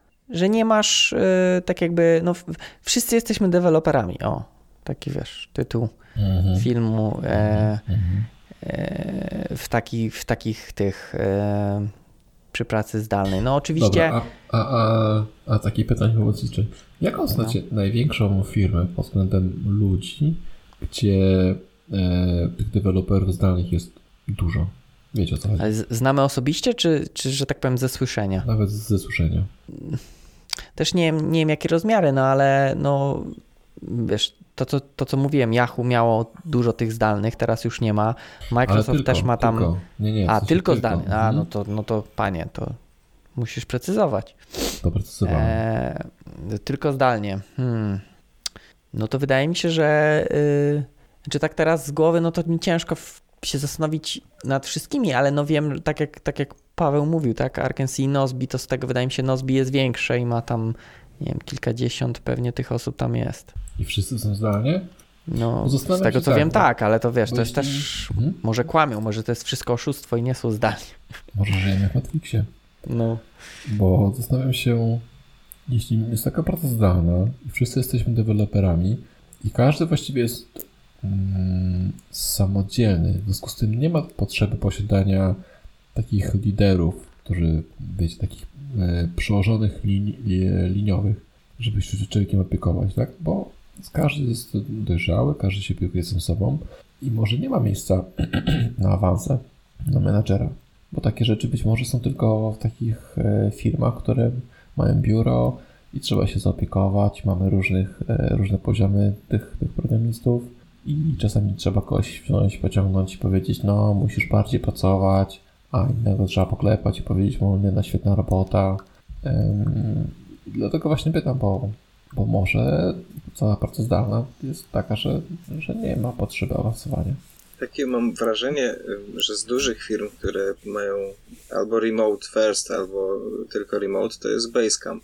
Oni są w ogóle takimi orędownikami e, pracy zdalnej. mhm. Natomiast Tak e, jakby druga skrajność, która mi przyszła do głowy, to to, że open source to jest tak naprawdę zdalny projekt, który czasem jest wielki. Tak? Natomiast to nie odpowiada na pytanie, czy faktycznie ta struktura y, da się, da się ją budować bardziej pionowo, czy jest tylko taka pozioma, no bo open source no to jest mocno pozioma struktura, może czasem ktoś tam zarządza tym, żeby zmerdżować właściwe rzeczy. Natomiast jak, Jest Linux, nie? Jest Linux i wszyscy niżej. natomiast jak w Basecampie to wygląda to, że, że pojęcia nie mam, więc jest mi ciężko się wypowiadać. A, ale jeszcze tak sobie pomyślałem, jak powiedzieć Basecampa, no to chyba, y, chociaż w sumie teraz tylko zdalnie, no bo GitHub też się bardzo chwalił, że oni są zdalni jeszcze zanim został kupiony, ale oni chyba mieli biuro, tylko że mieli po prostu multum ludzi, którzy, którzy Mhm. pracowali też zdalnie, e, więc tutaj może nie, nie wpada w twoje kryteria. No ale czy, czy, czy, czy taki zdalny deweloper, tak jak wy, myślicie o awansowaniu no właśnie na kogoś takiego jak jakiś menadżer, albo jakiś taki, nie wiem, widzicie taką potrzebę w ogóle? ja byłem 12 lat menadżerem i wróciłem stamtąd, także i nie zamierzam wracać. I, i, I nawet ostatnio mi proponowano, żebym jakiś juniorów wziął, czy juniora, nawet tutaj lokalnie z nim siedział, czy coś, ja powiedziałem, że nawet, że, że nie czuję się na razie, tak? Po prostu jakby tam sprawowanie jakiejś takiej opieki nad innymi, czy tam jakoś takie kierownikowanie, to przez te tyle lat, to, to potrzebuję troszeczkę odpocząć od tego. Także. Okej, okay. mhm. ciekawe. Nie jesteś pierwszym, którego, którego e, znam, który właśnie mówi, że, że był na, na tym stanowisku menedżerskim, czy nawet kierowniczym i stwierdził, że, że jednak nie, że woli wracać do deweloperki, nie? że więcej radości jest właśnie E, z bitami, że tak powiem, niż siedzenie i gadanie z ludźmi. Tak, ja, ja też zrobiłem pewien błąd. Po prostu ja nigdy, że tak powiem, nie stałem się w 100% tym kierownikiem, tak? Ja zawsze po prostu tam starałem się te wszystkie administracyjne rzeczy delegować, żeby tam wygospodarować czas, że jak jakieś oprogramowanie jest potrzebne dla firmy, jakieś takie, które jestem w stanie uciągnąć, to sobie ciągnąłem je, nie? I później dopiero z czasem też zrozumiałem, że to, mm, no, że to po prostu odbijało się, tak, na tej, mhm. na tym moim zarządzaniu, tak, i to był taki mój błąd, uważam. I faktycznie, no, ja myślę tak, że gdybym mnie nie został tym kierownikiem, to mnie docenił, tak, i bym w końcu po tylu latach nie stwierdził faktycznie, że no to jest, próbowałem różnych rzeczy i to jest to, co lubię najbardziej i tyle, no. Bardzo dobrze, bardzo dobrze. Ja też tak miałem, właśnie tak po dwóch ścieżkach szedłem i e, wiem, że to jest ciężkie. Żeby być tak, takim miękkim gościem i, i technicznym gościem to ciężka sprawa, nie? Że jedno i drugie ucieka. I dobrze jest zdecydować na jedno. Ja się póki co nie zdecydowałem jeszcze, więc. Mhm. Paweł? Paweł Bezeł? Wiesz, no ja mam specyficzne doświadczenie, bo tak długo jesteśmy takim zespołem właśnie, jakim jesteśmy, gdzie ta hierarchia jest budowana w taki bardzo miękki sposób, e, w taki, że nie ma formalnych stanowisk, tylko grupy się tworzą ad hoc do, do zadań, które robimy. Wiesz, jest mi ciężko się wypowiadać, co, co jest lepsze, co gorsze.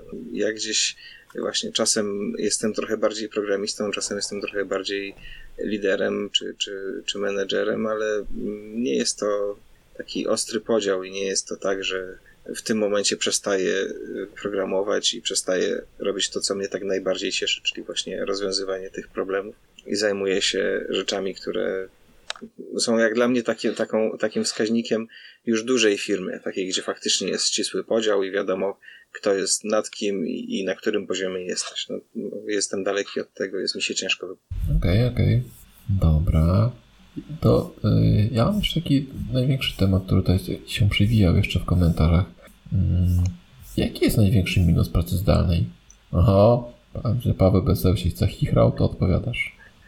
Znaczy dla mnie największy ten problem, o którym wspomniałem wcześniej, że jeżeli się sam nie zatroszczę, żeby się dowiedzieć, co się w biurze zdarzyło z rzeczy takich niepracowych, w sensie niezwiązanych z klientem, to czasem się dowiaduję w zaskakującym momencie, że właśnie, że za tydzień w sobotę wszyscy gdzieś wyjeżdżają, tak, a, a ja się dowiedziałem właśnie teraz. To, to, to było takie najbardziej zaskakujące. I właściwie mm, to jest dla mnie taki największy minus, że, że muszę się trochę zatroszczyć o tę e, komunikację w rzeczach, które nie są w specyfikacjach i w mailach, bo nie dotyczą klientów, tylko dotyczą zespołu. No to jest też ta specyfika tego, że część zespołu jest w jednym miejscu i ma tą komunikację na tej przysłowiowej kawie w kuchence, a mm, ja jestem poza w danym momencie i pewne rzeczy do mnie nie dochodzą. To, to mnie najbardziej, e, to mi najbardziej przeszkadza. Ja bym może powiedział nie tyle o minusach, ale o zagrożeniach, bo jednym z takich zagrożeń jest to, że z czasem może nas dopaść taka samotność, tak? Że gdzieś tam, po nie wiem, po, po iluś latach siedzimy sami, po prostu, zwłaszcza jeszcze jak ktoś na przykład y, y, nie, nie ma rodziny, tak? No to może być niebezpieczne. W sensie takim, że no, nie wiem, nawet może jakaś depresja masz, nas może dopaść. No, na pewno, bo, bo ja na przykład ten pierwszy okres sześciu lat, jak pracowałem zdalnie, to nie miałem rodziny i na przykład y, y, ja, ja zmieniłem tą pracę też po to, że chciałem po prostu wyjść do ludzi, tak? Chciałem po prostu, brakowało mi tego kontaktu y, y, y, z, z, z, ludźmi w pracy. Ja teraz się cały czas zastanawiam, czy ja znowu po sześciu latach, nie wiem, może dłużej teraz, bo teraz mam rodzinę i, i, i dzieci tyle mi wrażeń dostarczają, że to tak nawet mi się bardzo fajnie Wystarczy, z samotności trochę pracuję, nawet odpoczywam często, ale, ale też się zastanawiam, czy to znowu mnie to nie dopadnie. Czyli to jest taka jedna, y, y, takie bym powiedział, takie właśnie y, jedno, jedno zagrożenie. I chyba też, y, nie wiem, kiedyś o tym mówiliście, ale to też doty, to też nie, to, to nie tylko może dotyczy pracy zdalnej, ale tutaj często w pracy zdalnej jest to bardzo widoczne. No nie widać jakby często tych efektów tej pracy, tak? Często się tak pracuje, jakieś tam się robi, e, ro, ro, robi, robi się jakieś, jakieś moduły, taski, coś tam się, nie, nie, niekoniecznie ma się ten kontakt z tym, z tym klientem, czy nawet tego feedback, feedbacku się nie dostaje. E, Nasz szef zrobił coś takiego ciekawego i to, to mnie na przykład na, nasz zespół motywuje.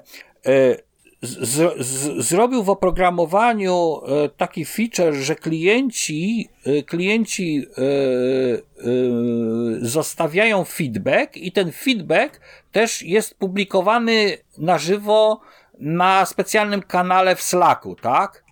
I, i, często powiem wam, że na przykład klienci nie tylko chwalą, że coś tam udało im się zrobić, tylko że na przykład konkretnie piszą, że fajne oprogramowanie jest, tak? Że fajny, fa, fajny ten user experience jest, czy coś takiego, nie? I, i, i ja wam powiem, że to, to motywuje, tak? Także, także to, to takie plusy, jakie zauważyłem. Mi się wydaje, że taka, ale, ale, znaczy, przepraszam, minusy, co ja gadam, takie minusy, ale w moim przypadku takim największym minusem było to, że z czasem, z czasem mi brakowało po prostu pracy w zespole takim fizycznym. Jednak coś takiego mnie dopadło, tak? Brakowało ci stada po prostu, który mógłbyś spokojnie, tak wiesz. Jesteśmy zwierzętami, więc brakowało ci takiego stadnego życia trochę. Wiesz, Jarek, może czasami takich rzeczy właśnie jak ty nieraz mówisz, że to też jest ważne, że tam gdzieś się spotkasz na jakiejś kawie w, kuchni z innymi czy coś, wiesz. To dopiero, to dopiero, wiesz, czegoś takiego mi się wydaje nie zauważysz tam po roku pracy zdalnej, ale po paru latach to już może tak być, nie? Może tak być. A, a powiedz mi, e, bo mówisz, że poszedłeś po, po 6 latach, poszedłeś do biura, nie? A skąd wiedziałeś, że musisz iść? Ktoś ci powiedział, że Andrzej wyglądasz jak troll? Czy, Nie, czy nie, nie, sam to czułem, wiesz, sam to czułem. Diagnostyka pojawiła E, się. I, I tutaj też, tutaj też na Trello ktoś mówił o psie i ja też dostałem w prezencie takiego psa, bo znajomi po prostu zauważyli to nawet dosyć szybko, po jakimś tam półtora roku, że, że ja to, no. że, że ja to tak mógłbym po prostu częściej wychodzić z domu i, i jak już tam siedzę w tym domu, to mógłbym się kimś ze schroniska zaopiekować. I zrobili mi taki prezent, który się nie powinno robić, czyli po prostu któregoś razu zadzwonili do drzwi i wręczyli mi małego szczeniaka. Spokojna niespodzianka, no. Wow. Tak. Yy, yy, ale, ale było fajnie. 17 lat w sumie. było super. I, i co? I, yy, ale to, to, co pytasz, to, to ja sam to poczułem, tak? Że już, że już po prostu zaczynałem się wtedy rozglądać. Mówię, nie, no, no, no muszę gdzieś, że, że już tak dłużej nie wytrzymam. Jakoś nie wiem, no mo, może też dlatego, że nigdy takiej pracy nie, nie nigdy w biurze z ludźmi tak bezpośrednio nie pracowałem i tego, ale potrzebowałem tego, tak? I to, i to, i to wyszło yy, jakby z, wewnątrz mnie, tak? To, tak to było. Okej, okej. To i tak dobrze, że tak ci się e, zrobiło. Bo to w sumie z tą pracą zdalną e, to jest jak w tym komiksie, nie? E, Oatmeal, że jest taki e, po pół roku, czy tam po iluś neandertalczyk, tak? Który się tylko e, pojedynczymi słowami komunikuje, bo już zatracił te wszystkie e, socjalne skille. Mm. Nie wiem, czy chcesz, Jarek, żebym ja też powiedział? Powiedz. Jakie? Chcę. Bo Czekałem e, na to.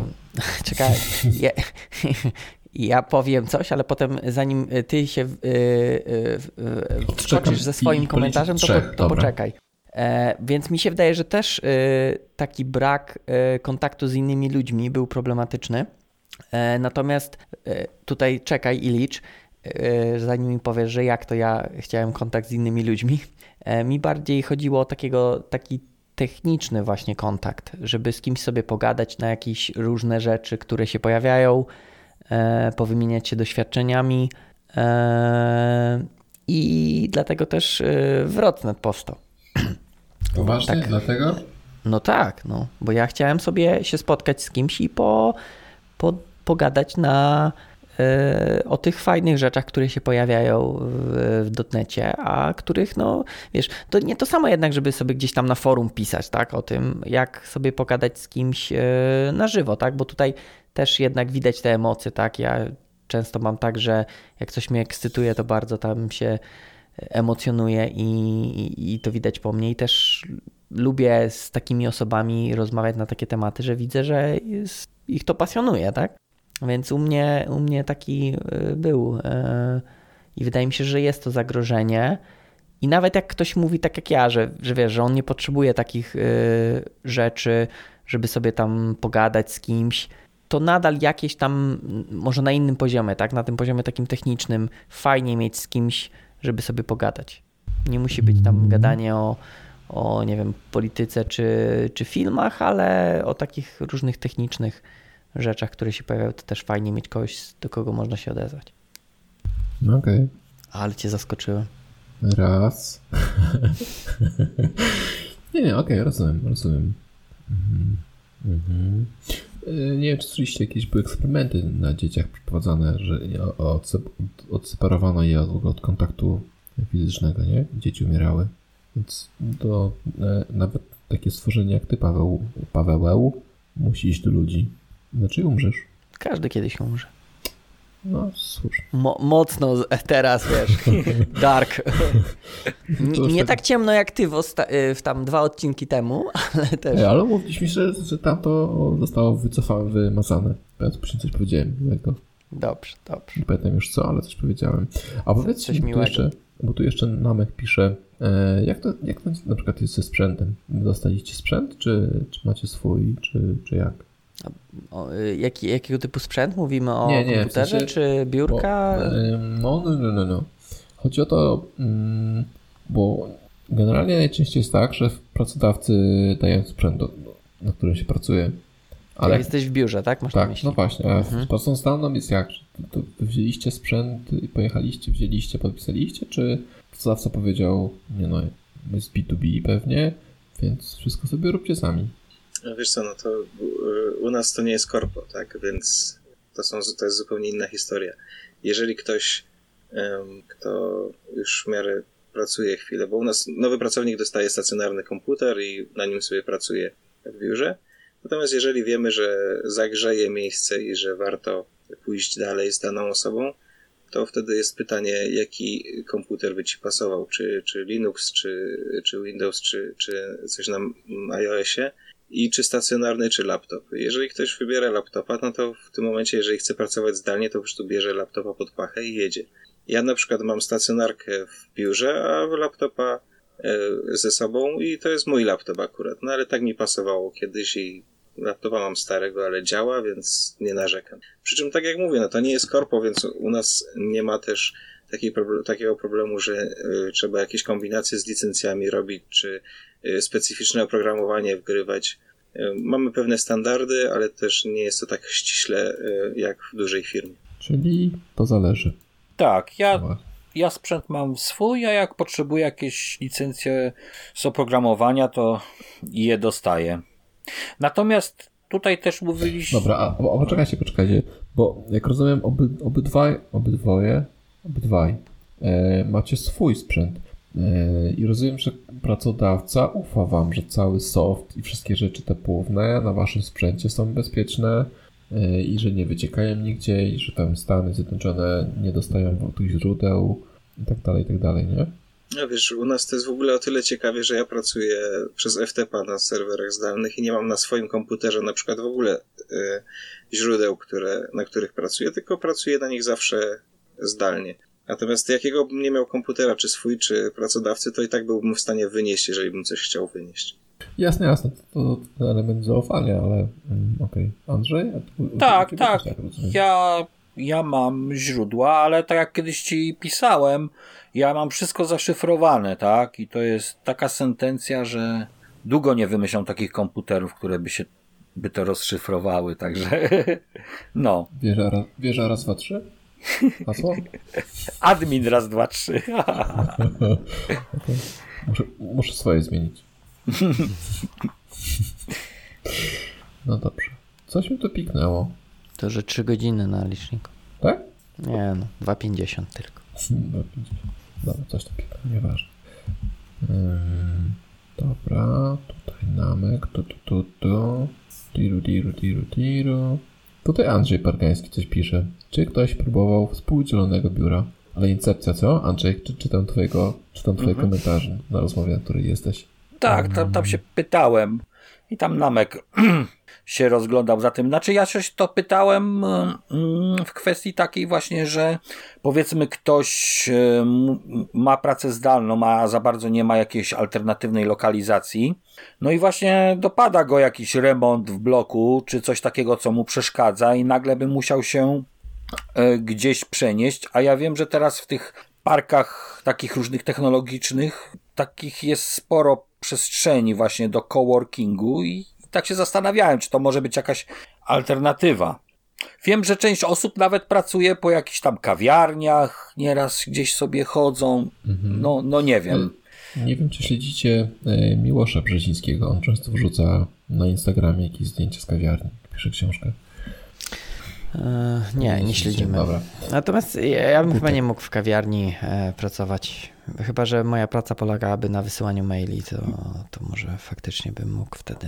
Ty, no ale niektórzy zapuszczają taką muzykę wyciszającą dźwięki kawiarni. Jasne, no, znaczy to ja nie mówię, że każdy nie może pracować. Ja chyba jednak za bardzo by mnie to rozpraszało. E, wszystko, co się dzieje wokół. Mhm. Tak, takie mam wrażenie. Jakiś czas temu y, Kutek pracował w biurach tych coworkingowych, nie? I tam wrzucał swoją No. panią Halinkę. Nie, ale to nie, nie, to, to nie był chyba coworking. On chyba miał wynajęte biuro, tylko miał jakieś takie współdzielone. No to coworking. No, no nie do końca. No, on miał tylko z nią współdzielone, to taki Mm, mm. prywatny coworking chyba. Tak, albo może, dobra, może go źle zrozumiałem. Nie, Wydawało mi się, że to jest coś takiego. Niech będzie, że to był coworking, więc tak, są takie minusy na pewno. E, jak się ma panią Helinkę, czy jak on tam ją nazywał ładnie. No i to jest gorzej niż taki niż głośny współpracownik, nie? Bo zawsze Niż, re, niż remont. Wiecie, ja, ja pamiętam, jeśli mówimy o remoncie, ja miałem tak, że wtedy robiłem e, z z domu i miałem kole i gość wiercił. No i co? I mówię, no sorry, no gość wierci. Wiecie, że ja robię z domu, gość wierci, no to możemy zrobić tak, albo ja będę się starał e, miutować mikrofon wtedy, gdy on wierci, akurat nie muszę nic mówić, no albo przekładamy, no. I jakoś tam przetrwaliśmy. To jest też kwestia taka, że jeżeli akurat w moim przypadku wiedzieli, że ja to pracuję z domu, tak? Nie to, że nie wiem, ktoś nie wiedział, chociaż nie wiem, jakby to można było, że, że ktoś nie wie, tak? No, trochę to przeszkadza, ale no to, to też nie jest tak, że cały dzień siedzi się na tych słuchawkach, nie?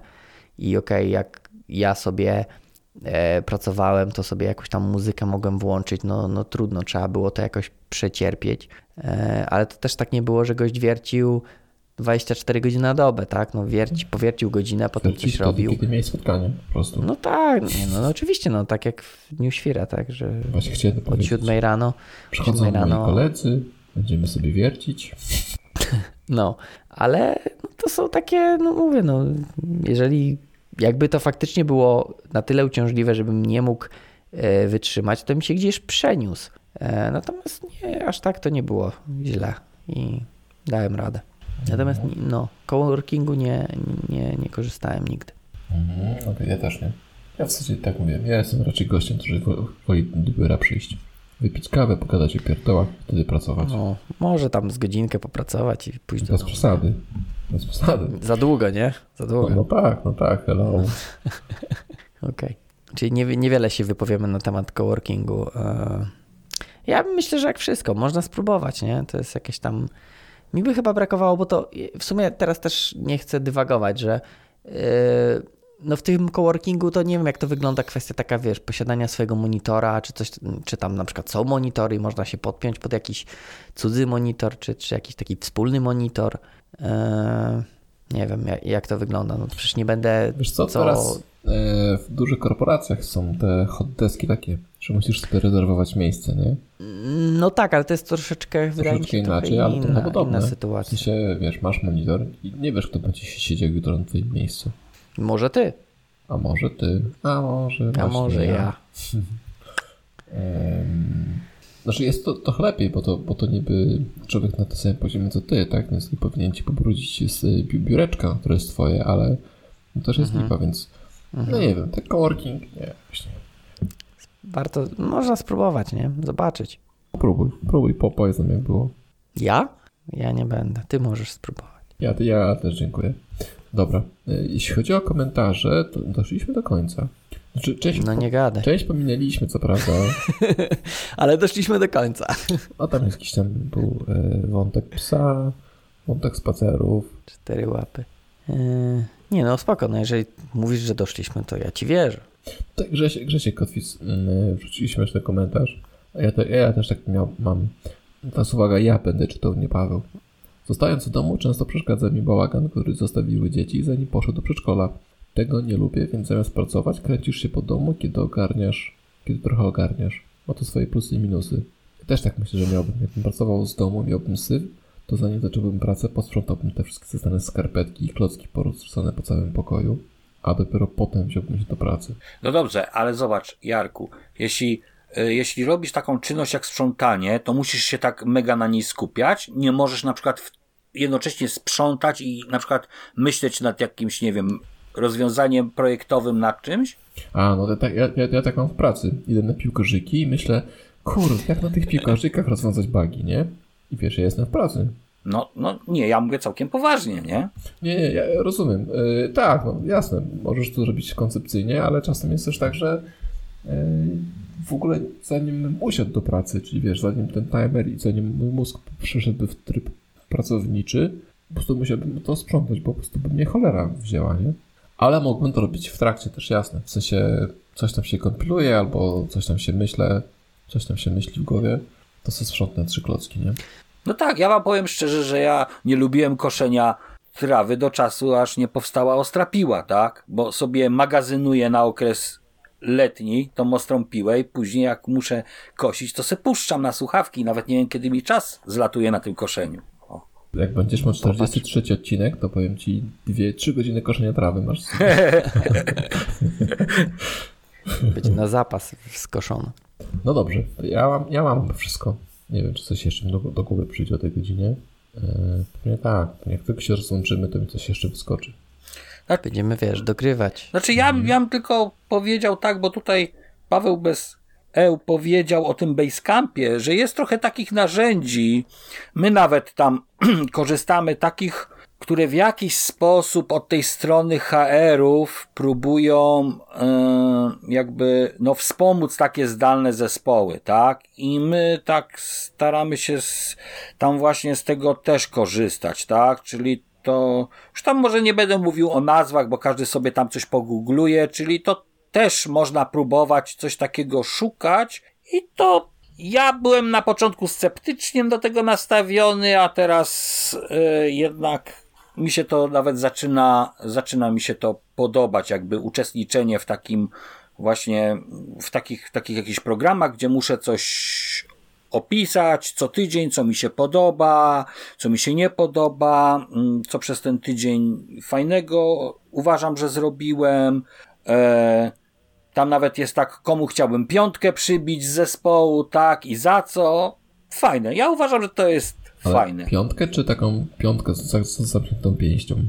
Nie, na taką piątkę taką pozytywną. Co prawda okay. wirtualną, ale pozytywną. O, właśnie tak. Okej, okay. Okay. No i w sumie to tyle ja od siebie miałbym.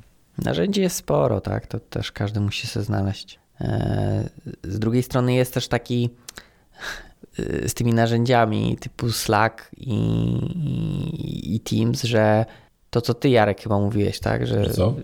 No, że za dużo tego czasami się robi, tak? Tak. Że y, wiesz, spamują na tych kanałach i, i nie wiesz, czy czytać, czy nie, ale no to jest też, wydaje mi się, kwestia jakiejś polityki i wypracowania jakiegoś standardu. Mieć kanały, które są takie, że można je spamować i wiesz, ty sobie je wyciszasz.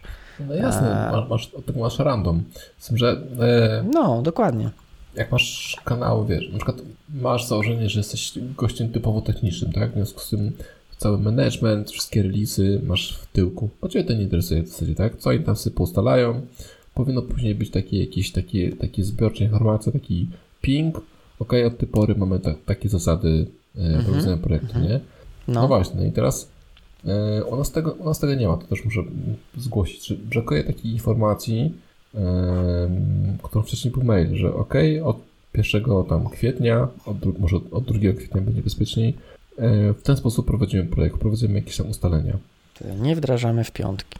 Tak, No, ale no to no tak, to jest tylko kwestia tego, że brakuje tak jakby, tak jakby przekazania tej informacji w dół, czy w bok, zależy jak tam się czujecie, ale yy, no. Natomiast to nie jest kwestia, to jest powiedzmy inny problem niż ten, co mówiłem, tak? No, czyli co, to, Co to nie ja jestem problemem. nie, no oczywiście, że ty jesteś. A shit, To jest zawsze, it's always you, it's not me, Okej. it's you. no dobra, Tak nie dobra. No. E, idziemy, w, idziemy w ten, w podsumowanie, tak? No właśnie chciałem zapytać, czy, y, bo tam mówiłeś, że masz podsumowanie, no to, to, to słuchamy. No. To już powiedziałem. Miałeś tych wymienić Nie jeszcze. Co? Ojców. A, ojców chrzestnych. O tak, ojców chrzestnych. O matko. To jest jakieś takie w ogóle znowu Pec klęska. dużo Klę, to jest klęska nieurodzenia. urodzaju. Dobrze, klęska urodzaju, to się mówi dobrze. No tak. Okej, okej. Eee, Więc tak, ten dźwięk to ja. Ojcowie chrzestni tego odcinka, żebyśmy powiedzieli i nie zapomnieli. Paweł Łukasik to wkleił, on było kradzione od... na górze jest. Ale jest tak, jest Andrzej Bargański, Paweł Dulak, czyli nasi goście. Paweł Kasik, Paweł Dulak, Andrzej, Paweł, Paweł. Ja to przyniosłem tylko gdzieś obok. Konrad Kokosa, Michał Kuliński, Namek, Adrian Mularczyk, Paweł, Andrzej, Konrad, Andrzej, Paweł, Grzesiek Kotwis. Swoją drogą e, Grzesiu Kotwis przygotowuje kurs do Visual Studio. Polecamy. Namek, Namek, Jarek, Paweł, Paweł, Jarek, Kaas, Maxi Kaas, e, Przemek Suchodolski i tyle. I tyle. A oryginalny to yy, Orient mam. tak, czyli Marcin Malinowski. Mhm. I, I oryginalny tweet miał chyba dokładnie te same, znaczy miał ten sam problem, tak, że, że, że pierwszy dzień super, tak, e, że programuję cały dzień, drugi, że nie potrafię się komunikować tekstem i trzeci, że oni wszystko popsują, gdy mnie tam nie ma, tak, czyli no, Mhm. takie standardowe problemy związane z pracą zdalną, aczkolwiek tutaj ewidentnie e, sugerujące, że to jest ta praca zdalna w trybie takiej e, samotnej wyspy, tak? Że Mhm. mamy jakiś team gdzieś tam pracujący i ja, samotna wyspa, pominięta przez wszystkich, dryfuję sobie i może mnie zauważą kiedyś. Mhm. Dobra, no to yy, podsumowanie. Czy, panie Andrzeju, jednym zdaniem, czy twoim zdaniem praca zdalna się? Nie, nie jest się pod warunkiem, że jest dobrze przygotowana od strony pracodawcy i pracownika. Paweł Beseł? Według mnie też nie. Jest y, możliwością rozwoju dla mnie. Paweł z EU? Też nie, ale trzeba dobrze dość się do niej przygotować. No i co, to ja muszę powiedzieć, że z się. Z się, jeśli jesteś, jeśli nie umiesz, Jarkiem. jeśli nie umiesz pracować zdalnie, to będzie ssała, aż będzie gwizdało. Dobrze, dobrze, bo robi się już późno i już się humor zaczyna y, wysuszać. W związku z tym, był to 43 odcinek podcastu Ostra Piła, ten, w którym rozmawialiśmy o pracy zdalnej i czym, czy się aż gwizdże, czy nie się. Za mikrofonem ża- żalają się Paweł Kasik? Wołdulak? Andrzej Bargański? i Jarek Stadnicki. I teraz uwaga. Naciskamy wszyscy stop